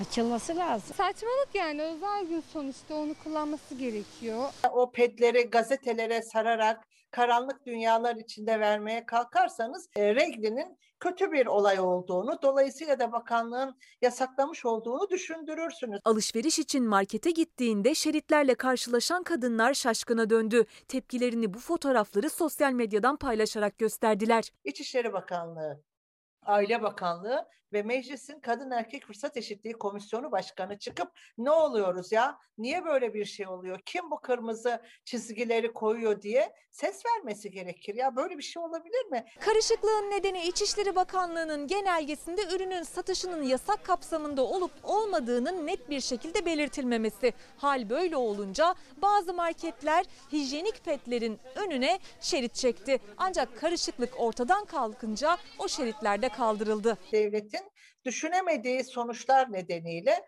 karşısına çıktığı sorundur bu. Böyle bir yanlışın olmaması adına ayrıntıları detayda vermeniz gerekiyor. Devletin bu ürünleri ücretsiz yapması gerekirken kadınları bu süreçte ikinci bir mağduriyete teşkil eden kararını konuşuyoruz ya. Hakikaten utanıyorum artık. Hijyenik pedler kadınlar için zorunlu bir ihtiyaç olmasına rağmen vergi oranı %18. Hem vergi oranı hem de fiyatları çok yüksek. Türkiye Kadın Dernekleri Federasyonu Başkanı Canan Güllü bu ürünlerin ücretsiz olarak satıldığı ülkeleri örnek göstererek vergi oranının da sıfırlanmasını talep etti. Bu haftayı toparlamaya gayret ettiğimizde karşımıza bu günden başlıkları çıktı Deniz Evet. abi. Zor, cümle. zor koşullarda bir yayın oldu. Artık programın adını de İlker'in sosyal medyada bir tane e, fotoğraf paylaşacağım. Aslında bizim e, kameraman arkadaşımız Berkcan çekti. Akif abi ben. Gerçi orada sen yoksun o fotoğrafta ama hani izleyicilerimiz de 3 aşağı 5 yukarı Tamam. sen de neler yaşadın. Doğan Şentürk'e edecekler. söyleyelim programın adını İlker'in Yelkendisi diye Doğan değiştirsin. abi burası için çok güzel bir hazırlık içinde. İnşallah yeni yayın döneminde de onu başaracağız. Harika olacak. Her Evet. şey çok güzel Buradan olacak. o Aydan. Aydan'ın da anneler gününü kutlayalım. Aydan Şentürk'ün. Evet Aydan abların da anneler gününü kutlayalım. Bir kez daha herkesin anneler gününü kutlayarak ben Deniz abiye bir veda edeyim. Reklamlara gidelim. Program bitmedi devam ediyor. Daha paylaşacağımız çok haber var. Deniz abi teşekkür ederim. Günaydın bir kez daha Çalar Saat hafta sonu devam ediyor ve bugün anneler günü bütün annelerimizin tüm annelerimizin anneler günü kutlayalım. Sizlerden çokça da mesaj geliyor. Bir yandan da bizde takip alan izleyicilerimiz var. Günaydın diyelim onlara da. Sibel Aksoy izleyicilerimizden bir tanesi. Özge Hanım, e, Mine Yunus, size de günaydın. Ve Kaan Aktürk selamlarımızı iletelim. Emel Kaplan üşümediniz mi diye soruyor. Neden stüdyodan yapmadınız diye soruyor. Konuklar da zorlanıyordur diyor ama aslında sadece böyle Deniz abi zorlanıyor gibi. Artık böyle Deniz abinin de bu korkusunu, yükseklik korkusunu yendiğimizi söyleyeyim Emel Hanım. E, yine bir izleyicimiz hemen ismine bakacağım. Çok dikkatli. Kazım Tuncay Yıldırım Bey diyor ki kısıtlamalar iyi güzel ama neden 17'ye kadar açık marketler? Ben çalışan bir kişi olarak saat 18'de işten çıkıyorum. Bir, alışverişi nereden nasıl yapacağım? İki, alışveriş yapmak için işe mi gitmemeliyim? Üç, alışveriş için işe gittiğimde kaybımı ve patronla aramı kim düzeltecek diyor. Böyle soruları peş peşe bize de soruyor, yetkililere de soruyor. Aynı zamanda Gamze Hanım günaydınlar. Gamze C selamlarınızı aldık ve sizin de annenizin e, anneler günü kutlu olsun. Süleyman Bey teşekkürler ve bir izleyicimiz daha diyor ki hemen isminize de bakacağım. O kadar dikkatlisiniz ki ve bir yandan böyle Türkiye'nin gündemini de takip ederken hani böyle o kadar o ayrıntıları yakalıyorsunuz ki köprüler bayramda ücretsizmiş. Kim geçecek acaba da o köprüler ücretsiz yapıldı diyor. İzleyicimiz isminize bakmaya çalıştım. Başaramadım. Bir daha deniyorum. İsminiz yazmıyormuş. Rumuzlu olarak açılmış bir hesap. Şimdi şöyle 16 milyon 20 milyon insan var. Aslında köprüden geçecek insan sayısı da hiç öyle az değil. Dolayısıyla oradaki köprülerin ücretsiz olması, devlete ait köprülerin ücretsiz olması yine önemli, kıymetli. Yine cepte para kalacaktır diye düşünüyorum. Şimdi hemen böyle devam edelim. Madem bugün anneler günü hem bir yandan sizlerden gelen mesajlara bakalım. Fedakarca başlığı altında hem de sağlıkçı anneler, sağlıkçı kadınlar onlarla ilgili hazırladığımız güzel bir haber var. Dikkat çeken bir haber var. Onların yaşadığı durum var. Onu bir hem sizinle paylaşalım hem de yetkililere yaşadıkları problemleri duyurmuş olalım. Dışarı çıkmayı özledim, parka gitmeyi özledim. Bir dondurma yemeyi özledim. Yani özledim sarılmayı, kucaklaşmayı, tam böyle doyasıya öpmeyi özledim. Ama bunları yapamıyorum. Bu kadar basit aslında. İstediği, düşlediği, yanında evladı olsun, içi rahat olsun. Bir bankta rahat rahat dondurma yesin mesela. Sarılsın yavrusuna, öpsün. Çoğu zaman oluyor ki eve geldiğimizde çocuklar sarılmak istiyor ama kendimizi kirli hissettiğimiz için e, doğru düzgün sarılamıyoruz, öpemiyoruz onları. Çocuklarıma sarılmayı özledim, onları öpmeyi özledim.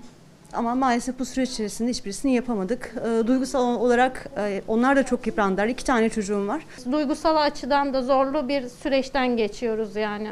Onlar sağlık çalışanları. Zorlu pandemi sürecinde hastaların ölümle yaşam arasındaki savaşında ellerinden tutanı, hayata bağlayanı. Ama hastane koridorlarından çıkınca üstlerindeki tulumdan, ağızlarındaki maskeden kurtulup da eve gidince anne onlar. Hastaları gibi dört gözle yollarını bekleyen evlatlarının karşısında kahraman onlar. Onların gözünde yani ben bir kahraman modundayım şu an. İlk defa ben birisinin bana anne iyi ki sen hemşiresin dediğini duydum. Çocuklarla yeterince ilgilenemiyoruz. Aylarca çocuklarımıza sarılamadık. Çoğu aile çocuklarından ayrı yaşamak zorunda kaldı. Bu yılda geçtiğimiz yıl gibi anneler gününde görevleri başında olacaklar. Tıpkı bayramda, doğum günlerinde, yılbaşında olduğu gibi. Sağlık çalışanların çocuklarına tereddütsüz sımsıkı sarılabildiği bir yıl olur. Bu yılda belki bir mesajla kutlayacak çocukları bugünü. Yine uzak olacaklar. Biz en çok birbirimize sarılmayı seviyorduk onlarla. Evde de izole bir hayat yaşamak zorunda kaldık hep beraber. Çok duygulandım böyle bir günde. Ee, yani buradayız ailemizden uzak. Ee, gerçekten çok duygulandık. Yani gözyaşlarımızı zaten tutamadık. İyi ki varlar ve onların bir sonraki anneler gününü çocuklarıyla geçirebilmeleri bize bağlı. Çok mutlu oldum ya. Hayatta bu kadar mutlu olduğum bir anı daha hatırlamıyorum. Güçlü bir annenin ve Asya'nın öyküsüyle devam edeceğiz ama gelen mesajlara da bir bakmak istiyorum. Necla Hanım, Necla Kaymakçı selamlarımızı iletelim size de. E, Naz Erdemir diyor ki Figen Erdemir'in anneler gününü kutlar mısınız? Canım annem seni çok seviyorum. Ne yapalım? Hani geçen sene biz bunu yaşamıştık. Bu sene de benzerini yaşıyoruz. Çünkü dünyada bir salgın var ve bu salgın nedeniyle evde olmamızı gerektiren bir tablonun içindeyiz. Annelerimize, büyüklerimize, sevdiklerimize ne bayramda kavuşabildik. Bu bayramda maalesef uzak kalacağız. Ne de böyle özel günlerde, anlamlı günlerde onlarla yan yana gelebiliyoruz maalesef. İşte buradan böyle hem hasretimizi dindirmeye çalışıyoruz hem böyle küçük küçük jestler yapmaya çalışıyoruz. İzleyicilerimiz de mesajlarını gönderiyor. Bu arada Erdal ve Kemal anneleri Çilem Yağmur'un anneler gününü kutluyor. Onların da annelerine mesajını bu şekilde ilettikten sonra şimdi güçlü bir anne ve Asya'sı. Önce çocuklar iyileşsin. Türkiye onları billboardlardan, ekranlardan, reklam panolarından tanıdı. LÖSEV'in bağış kampanyasının yüzü olan Özlem annenin ve Asya'nın hikayesi ise Umut'un hikayesi. Ağlayarak girdiğim bu yolda gülerek e, ilerlemeyi başardım LÖSEV sayesinde. E, benim gibi birçok ailenin de gözü yaşlı olarak girip gülerek gittiğine, gülerek ilerlediklerine şahitliğim var. Özlem Koca Kaplan 4 çocuğundan biri 6 yaşındaki Asya'sına lösemi teşhisi konulduğu anı unutmuyor. O anlar bir yumru olup boğazına oturuyor. Kuş gibi kanatlanan, uçan çocuğum, arkadaşlarıyla oyun oynayan, hiç yorulmayan çocuğum yoruldu, e, güçsüz kaldı. Kanımızı verdik. Bir anons geçtiler. Asya Koca Kaplan'ın ailesi lütfen doktor odasına deyince zaten o anda dünya başımıza yıkıldı. Çocuğumu tekerlekli sandalyeye acil kapısından konduğunda nasıl bir yere çıkacağım? Yani bir hastanede ilk defa kalıyordum. İlk defa bir kişiyi refakat ediyordum. Hele bu bir de benim kızımdı. Zorlu bir tedavi sürecine giriyorlardı artık. Zor ama umutlu. Buraya geldiğimde o kapılar böyle açıldı. İçeri girdim. Herkes yani rahat bile. Yani sanki bu hastalığın adı bile yoktu burada. 517 numaralı oda siz- sizin odanız dedi. Oda kapısı açıldığı zaman 517 numaralı oda güçlükler de gördü, sıkıntılar da ama hep gülücüklerle aydınlandı. Bugün sağlıklı ve gülümseyen gözlerle bakıyor Asya, umutla. önce çocuklar iyileşsin.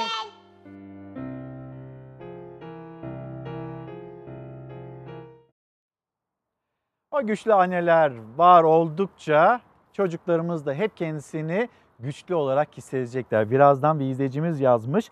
Ee, onu da paylaşacağım annesiyle beraber. Kendisi bir öğretmen ve doğu görevinde yanında da annesi var. Hani orada yalnız kalmasın, kızımın yanında olayım diyen fedakar bir anne. Ve tekrar hatırlatalım bugün başlığımız fedakarca. Ayrıca Ayvalık'a da günaydınlarımızı iletelim? Ayvalık'ta Zümrü anne Altınova'da kendisine hem günaydın diyelim hem de anneler gününü kutlayalım.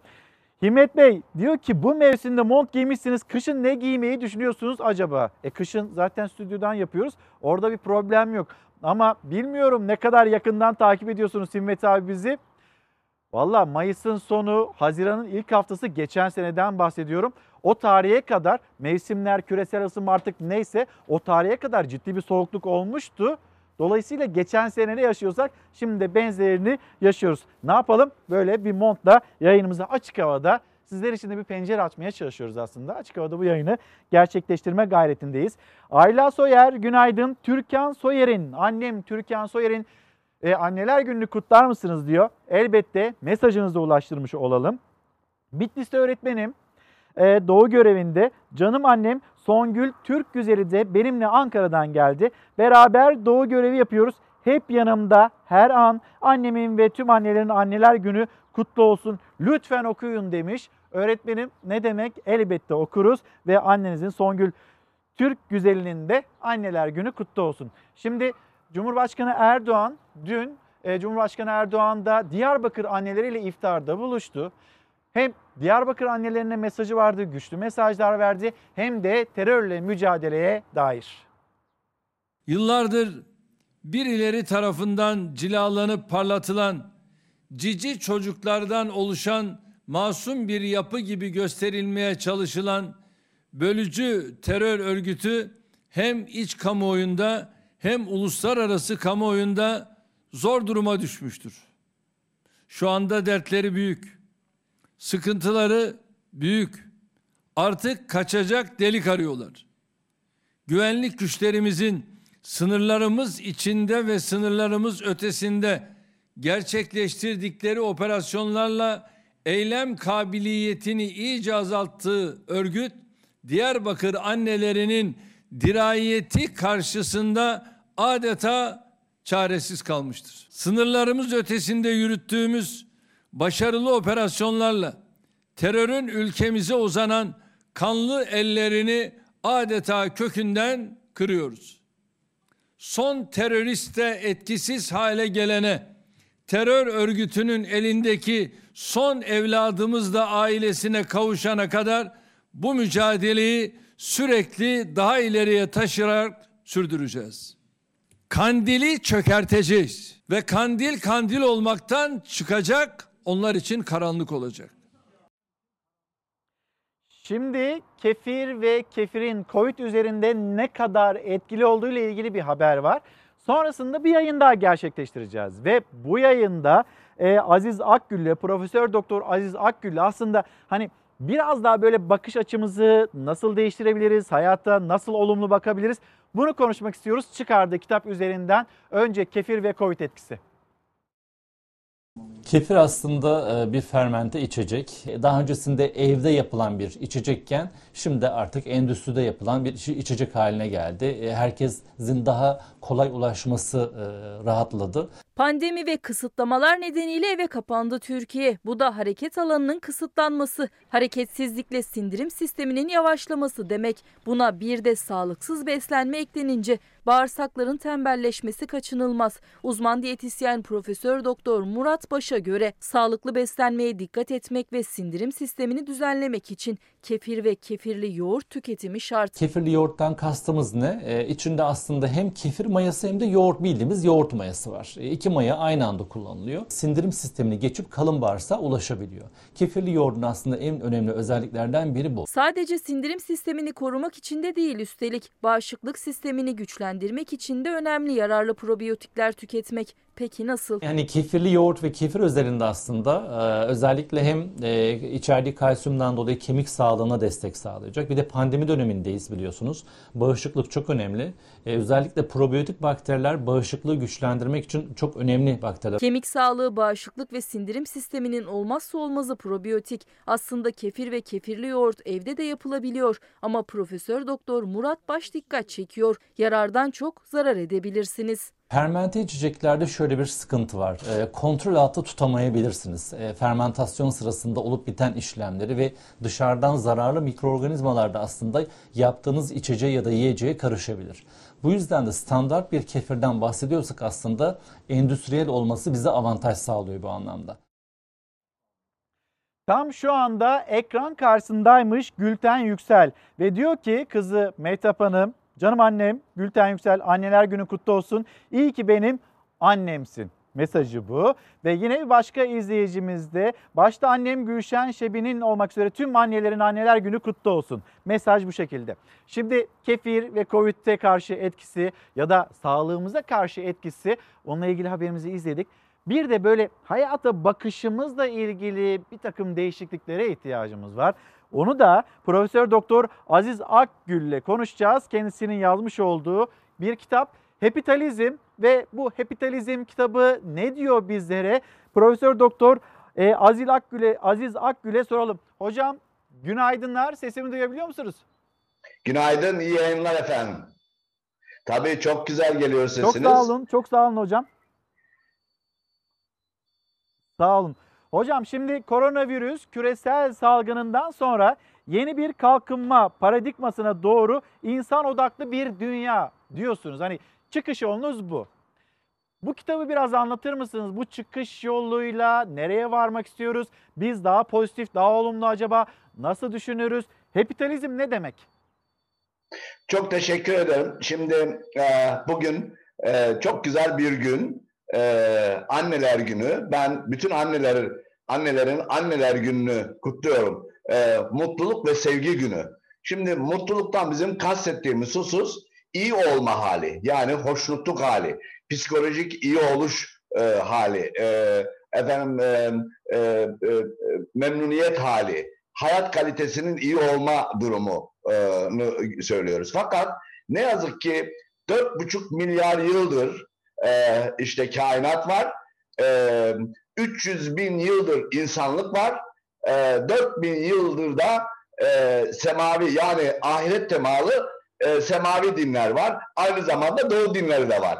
Fakat bütün bunlara rağmen maalesef insanlığın yanlış değerlendirme ve yaşama tarzından dolayı maalesef mutluluğu yakalayamadık. Yani bizim esas itibariyle e, mutluluğu yakalayacak bir e, düzene ihtiyacımız var. Halbuki e, hazcılık, ego, egoizm e, maalesef e, çok e, önde olduğu için e, biz bunu gerçekleştiremiyoruz. E, ancak karşılıksız yapılan e, iyilik mutluluktur. Bugün dünya yönetimlerine bakıyoruz. Yani bireysel olarak ben o kitabı bireysel gelişim kitabı olarak mutluluğu anlatmak için yazmadım. Biz bireysel olarak çevreden soyutlanmış bir şekilde mutluluğu yakalayamayız. Çevreyle bir bütün olarak e, görüyoruz bunu. Maalesef dünya çok kötü idare ediliyor. Çok kötü idare edildiği için biz de bu mutluluğu insanlar olarak yakalayamıyoruz. Kapitalizmin toplumlar üzerindeki mevcut olumsuz etkilerini ortadan kaldırmak maksadıyla ben bu Hepitalizm e, kitabını e, yazdım ve orada da esas itibariyle gelmek istediğim husus e, daha merhametli, e, hoşgörülü, e, efendime söyleyeyim, e, farklılığın birlikteliğinin sağlandığı, e, e, çatışmaların, e, e, iklim değişikliğinin e, önüne geçildiği, e, toplumsal cinsiyet ön yargılarının aşıldığı, e, mutluluğun, öznel iyi oluşun, esenliğin e, sağlandığı, yoksulluğun, açlığın, eşitsizliğin ortadan kaldırıldığı e, bir dünyanın oluşturulması gerektiğine inanıyorum. Bu mümkün mü? Kesinlikle mümkün. Ben e, e, e, hem e, bürokraside en üst seviyede bulundum, milletvekilliği yaptım, siyasetin içerisinde bulundum, bilim adamı olarak üniversitelerde, asker olarak silahlı kuvvetlerde bulundum. Bu benim söylediğim hususlar o kadar gerçekleştirilebilir hususlar ki mutluluğu sağlayabiliriz. Mesela Costa Rica ne yapmış biliyor musunuz? Costa Rica e, örnek alabileceğimiz mutlu ülkelerden bir tanesi. Ne yapmış kapitalizmin uygulanmasına yönelik olarak? 150 yıl bunlar iç savaşlarla, komşularla devamlı çatışma içerisinde bulunmuşlar. Sonra Oscar Arias diye bir devlet başkanı çıkmış, cumhurbaşkanları. Demiş ki ya nedir bu devamlı çatışma, devamlı kavga, devamlı stres? Bundan kurtulmamız lazım. Orduyu lağv ediyorum demiş. Ve o- Costa Rica gibi şu anda dünyada 30 ülkenin ordusu yok. Bakın biz dünyada insanları öldürmek için her yıl 14.9 trilyon dolar silah harcama yapıyoruz. Ama bir diğer tarafta dünyada e, 840 milyon insan aç. Yaklaşık 3 milyar insan suya ulaşamıyor. E, e, e, e, yaklaşık 1.4 milyar insan e, e, e, yoksulluk sınırı altında. Dünyada 2000 e, 252 insanın sahip olduğu servet dünyadaki 4.6 milyar insanın sahip olduğu servete eşit. Böyle bir dünya yaşanamaz. Neden? peki ne yapmamız lazım? Bizim düşünsel yapımızı değiştirmemiz lazım. Hedonik yaklaşımlardan yani hazcılıktan, egoizmden kurtulmamız lazım ve empati içerisinde yaşamamız lazım. Şu anda kapitalizmin bize öğrettiği, dayattığı birçok yanlıştan kurtulmamız lazım. Mesela bütün ekonomi kitaplarında ekonomi tarifi yanlış yapılıyor. Ne yapılıyor orada? Diyor e, ekonomi kitaplarının tamamında. Kapitalizmin bütün ekonomi ta- tarifinde efendim e, e, dünyanın e, sınırlı kaynaklarıyla insanların sınırsız ihtiyaçlarının karşılanmasını sağlamaya yönelik olarak gayret gösteren bir sosyal bilim dalı olarak tarif ediliyor. Yanlış. Dünyanın sınırsız kaynakları var. Mesela kaynaklardan bir tanesini yeni fark ettik bu koronavirüs küresel salgınından sonra. Hava. Halbuki havanın kirletilmesi için de insanlık o kadar büyük gayret gösteriyor ki iklim değişikliklerine ve çevrenin bozulmasına inanılmaz e, e, katkı sağlıyor. Su. Dünyada milyonlarca göl ve ırmaklar var. Ama egoist olduğumuz için maalesef bunları e, boşuna akarken biz bu insanları yönlendirip ihtiyaç sahiplerine vermiyoruz. Gıda. Dünyada 4 milyar ton gıda e, e, üretiliyor yılda. Bunun 1.3 milyar tonunu israf ediyoruz. Ama diğer tarafta 840 milyon insan aç. Dolayısıyla o kadar yanlış işler yapıyoruz ki e, e, bizim e, bir de kapitalizm şunu yapıyor. Devamlı üret üret üret sonra da 560 milyar doları reklam harcamasına harcıyor. Sonra geliyor bana vatandaş olarak veya insan olarak sen de tüketeceksin diyor. Aslında benim ihtiyaçlarım sınırsız değil.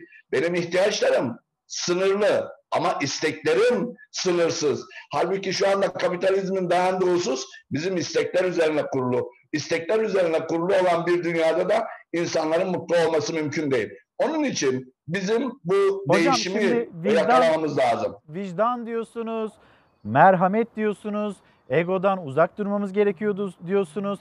Kapitalizm bir iyi olma hali, iyiye yönlendirme, mutluluğu arayış formülü diyorsunuz. Şimdi bir soru daha sorayım. Bu da son sorum olsun ee, bu yayına dair. Sizin aslında siyasi de bir geçmişiniz var. Kapitalizmi siyasetçilere, siyaset kurumuna da aslında bir anlatmanız gerekiyor galiba.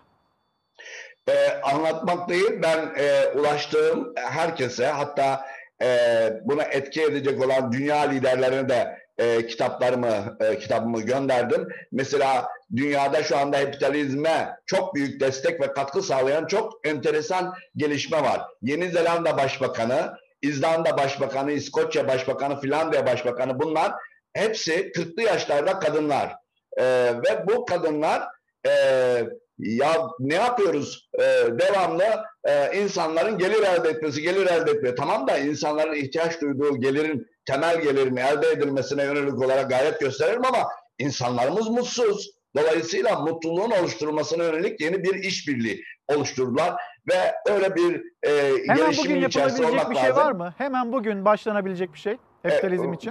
e, ben COSGAP, COSGAP başkanı iken e, Sayın Yalı Merez o zaman bakan tabii devrimci bir bakan olduğu için biz bir gecede COSGAP'in bütün yapısını değiştirdik. Amip yapılanma süreciyle bütün hiyerarşik kademeler her şeyi bir gecede yaptık. Ben şuna inanıyorum. Bütün hayatım boyunca geldiğim noktada eğer liderler, dünya liderleri egoizmden ayrılmış, egolarından arınmış, hedonik yaklaşımlardan kurtulmuş, e, empati içerisinde merhametli bir şekilde hareket ettikleri takdirde bakın Nazım Hikmet ne diyor biliyor musunuz? Bir tek ülke istiyorum adı dünya, bir tek e, ırk istiyorum adı insan, bir tek kaynak istiyorum adı sevgi. Bunu yapabiliriz. Bakın bütün dini kitaplarda, semavi dinlerde de bunlar emrediliyor aslında. Hangi inançta olursak olsun. E, e, Şeyde Doğu dinlerinde de öyle. Yani e, mesela iyiliğin timsali aslında Budistler çünkü Budist Budist olan bir hakiki Budistin hiçbir şey yok biliyor musunuz? Hiçbir şey olmaması lazım. Ne demek o? Bizim Kur'an'da e, e, bütün e, türevleriyle birlikte anlatılan infakı orada bu şekilde uygular. İnfak ne demek? Zenginlerin kendi varlıklarından hem de en sevdiklerinden ihtiyaç sahiplerine dağıtmak demek. Yani öyle oturup zenginleşemezsin. İşte dünyada eşitliği sağlayacak mekanizmalar var. Fakat insanlık ego sahibi olduğu için, empati yoksun olduğu için liderler özellikle buna hassasiyetle riayet etmediği için maalesef kaos ortamı var şu anda dünyada. Evet, Profesör Doktor Aziz Akgül. Ee, Aziz Hocam çok sağ olun, çok teşekkürler. Sizi şimdi ihtiyaç sahibi insanlar dediğiniz tam da bununla ilgili bir habere gideceğiz. Ee, size veda etmeden önce bir kez daha ben kitabınızı göstermek istiyorum. Profesör Doktor Aziz Akgül ve kitabının ismi Hepitalizm ki e, Aziz Akgül aynı zamanda siyasetçi, geçmişi bulunan Türkiye İsrafı Önleme Vakfı Mütevelli Heyeti Başkanı 22. dönem milletvekili. Tekrar teşekkür ederim Aziz Bey. Çok sağ olun. Değerli düşünceleriniz için hatırlattığınız ve asla hiç unutmamamız gereken e, konular var. Vicdan, merhamet ve hani bu e, kötülükten, kötü insanlardan ya da kirden uzak durmakla ilgili hatırlatmaları var. Hepitalizmin ve Aziz Akgül'ün bir kez daha kendisine teşekkür ederiz. Şimdi hemen bir İzmir'e gidelim. Yerel yönetimler İzmir'de, Antalya'da, memleketin çeşitli bölgelerinde nasıl ihtiyaç sahiplerine yardımcı olmaya çalışıyor? Bununla ilgili bir haber. Sürpriz oldu, çok sevindik. E, geldi yani borçları kapattı hepsini. Defterimizi de aldı. Gitti. Herkes buraya geliyor. Doğru mu? Doğru mu? Hepsi doğru yani. Hepsi de doğru. Hep, e, kita- şey defteri aldı, götürdü. İzmir'de bayram öncesi veresiye defteri seferberliği başladı. Sadece iki günde 500 bin lira tutarında borç silindi defterlerden. Sadece borç değil, bakkalın, marketçinin derdi vatandaşın üzerindeki yük mahcubiyette silinmiş oldu. 28.500 civarıydı. 8.500'ünü biz fedakarlık ettik. Bizim de katkımız olsun diye. 20 bin lirasını e, nakit olarak bize ilettiler. Veresiye defterimizi komple e, aldılar bizden. Hiçbir şekilde alacağımız kalmadı. Geçen yıl falan duyuyorduk mesela Torbalı tarafları kapatılmış. Bize de gelir mi acaba diye umut ed- ediyorduk. Yani 10 bin lira e, hesap kapatmayı yaptık yani. Büyük marketlere gidiliyor. Küçük markete geliyor diyor ki bana yazar mısın? Elinde büyük marketin torbası sana yazdırıyor. E sen de kıyamıyorsun tanıdığın çevrendeki insanlar çünkü. Yani her şekilde bakkal gerçekten mağdur ediliyor. Ödeyemeyen mahalleli bakkalına yazdırdı. Veresiye defteri kabardıkça kabardı. İzmir Büyükşehir Belediye Başkanı Tunç Soyer dayanışma çağrısı yaptı. Kentteki çok sayıda hayırsever ve iş insanı dar gelirli yurttaşların oturduğu mahallelerdeki bakkallara gidip veresiye defterlerini kapattı. 3 yıl beklediğim oldu. 7 bin lira kapatıldı. Başkanımız e, bu defteri ödedi. Biz pazartesi günü bunu e, kargoya verip bunu ima edeceklerini söylediler, yakacaklarını söylediler. Mağdur e, insanlar faydalandı. Hak yerine ulaştı. Başta Konak, Karabağlar ve Bayraklı olmak üzere kentin yoksul mahallelerindeki 50'ye yakın mahalle bakkalının veresiye defterleri kapatıldı. Ödenen borçların tutarının 500 bin lirayı bulduğu öğrenilirken tam kapanmada zor günler geçiren yüzlerce yoksul vatandaş rahat bir nefes aldı. Antalyalılarsa ucuz et yiyebilecek olmanın mutluluğunu yaşıyor. Büyükşehir Belediyesi uygun fiyatlı et satacak mobil et satış noktasını hizmete soktu. Et ürünleriyle dolu tıra ilgi büyüktü. Çok güzel, uygun fiyatlar yani memnun kaldım. Teşekkür ederiz Muhittin Bey'e. Kepez, Manavgat, Alanya ve Serik'te olmak üzere 4 sabit mağaza ve bir mobil mağaza faaliyet gösteriyor şu anda. Halkın ilgisine göre tırların sayısı artırılacak. Fiyatlar piyasa ortalamasının %20-25 oranında altında. Antalyalı besicilerden ilk elden alınan hayvanlar belediye mezbahasında kesilerek veteriner gözetiminde işleniyor. Memleket turunda şimdi de Tunceli. Memurlarımızdan biri e, yapılan test sonucu pozitif çıktı. Dolayısıyla diğer 5 memur da e, ona bağlı olarak temaslı olup karantinaya alındı. Memurların tamamı temaslı olunca belediye başkanı bir başına kaldı koca binada. İşler aksamasın diye geçti işlerin başına. Bütün işleri tek başına yapıyor. Çözüyoruz, bunlara yardımcı oluyoruz ama diğer daha fen işlerindeki ruhsat ve benzer şeyleri şimdilik erteliyoruz. Belediye Başkanı Mustafa Sarıgül hariç Tunceli Ovacık Belediyesi'nde çalışan tüm idari personel koronavirüs nedeniyle karantinada. Vatandaş mağdur olmasın diye Başkan Sarıgül binada tek başına çalışıyor. Elinden gelen evrak işlerini yapıyor. Bir odadan diğerine, bilgisayardan dosyalara her şeyin başında. İsteyenlerin belgelerini düzenliyor. Ee, Başkan yanına uğradım. Başkan sağ olsun e, bu konuda yardımcı oldu. İlçede kapanma ve diğer şehirlerden gelenler nedeniyle vaka sayısında artış yaşanıyor. Memurların 10 günlük karantinası boyunca tek başına çalışacak Belediye Başkanı Sarıgül kurallara uyulması konusunda uyarıyor. Pandemi biraz daha yayıldı. Geçen yıl bu bu kadar yüksek değildi. Ortalamanın çok üstünde. Birbirine temas etmemeleri, toplu bir araya gelmemeleri, Çiçekçiler sizleri bekliyor. Onunla ilgili haberimiz hazır. Birazdan paylaşacağım. Gülay Göktuman ahirete intikal eden tüm annelerimize rahmet diliyorum diyor. Nabi Bey bir kez daha günaydın. Doktor Aysel Yavuz günaydınlar. Arzu Eratak. Fedakarca en başından beri gerçekleri söyleyen, uyaran değerli hocalarımız Mehmet Hocama, Esin Hocama sonsuz teşekkürler minnettarız diyor. Erkan Aykan günaydınlar. Benim eşim de sağlıkçı, bugün nöbetçi, çocuklarından ayrı kalmak durumunda. Fedakar annelerin Anneler Günü kutlu olsun mesajı. Nuran Yıldız hocam günaydın selamlarımızı iletelim. Meseret Başeren kendisi de aynı zamanda bir sağlıkçı. Selamlar. Beyhan Gün, Beyhan anne sizin de anneler gününüz kutlu olsun. Evlatlarınız uzakta. E, kuşkusuz arayacaklardır sizleri de. E, Beyhan anne anneler gününüz kutlu olsun. Bizler de sizin evladınızız.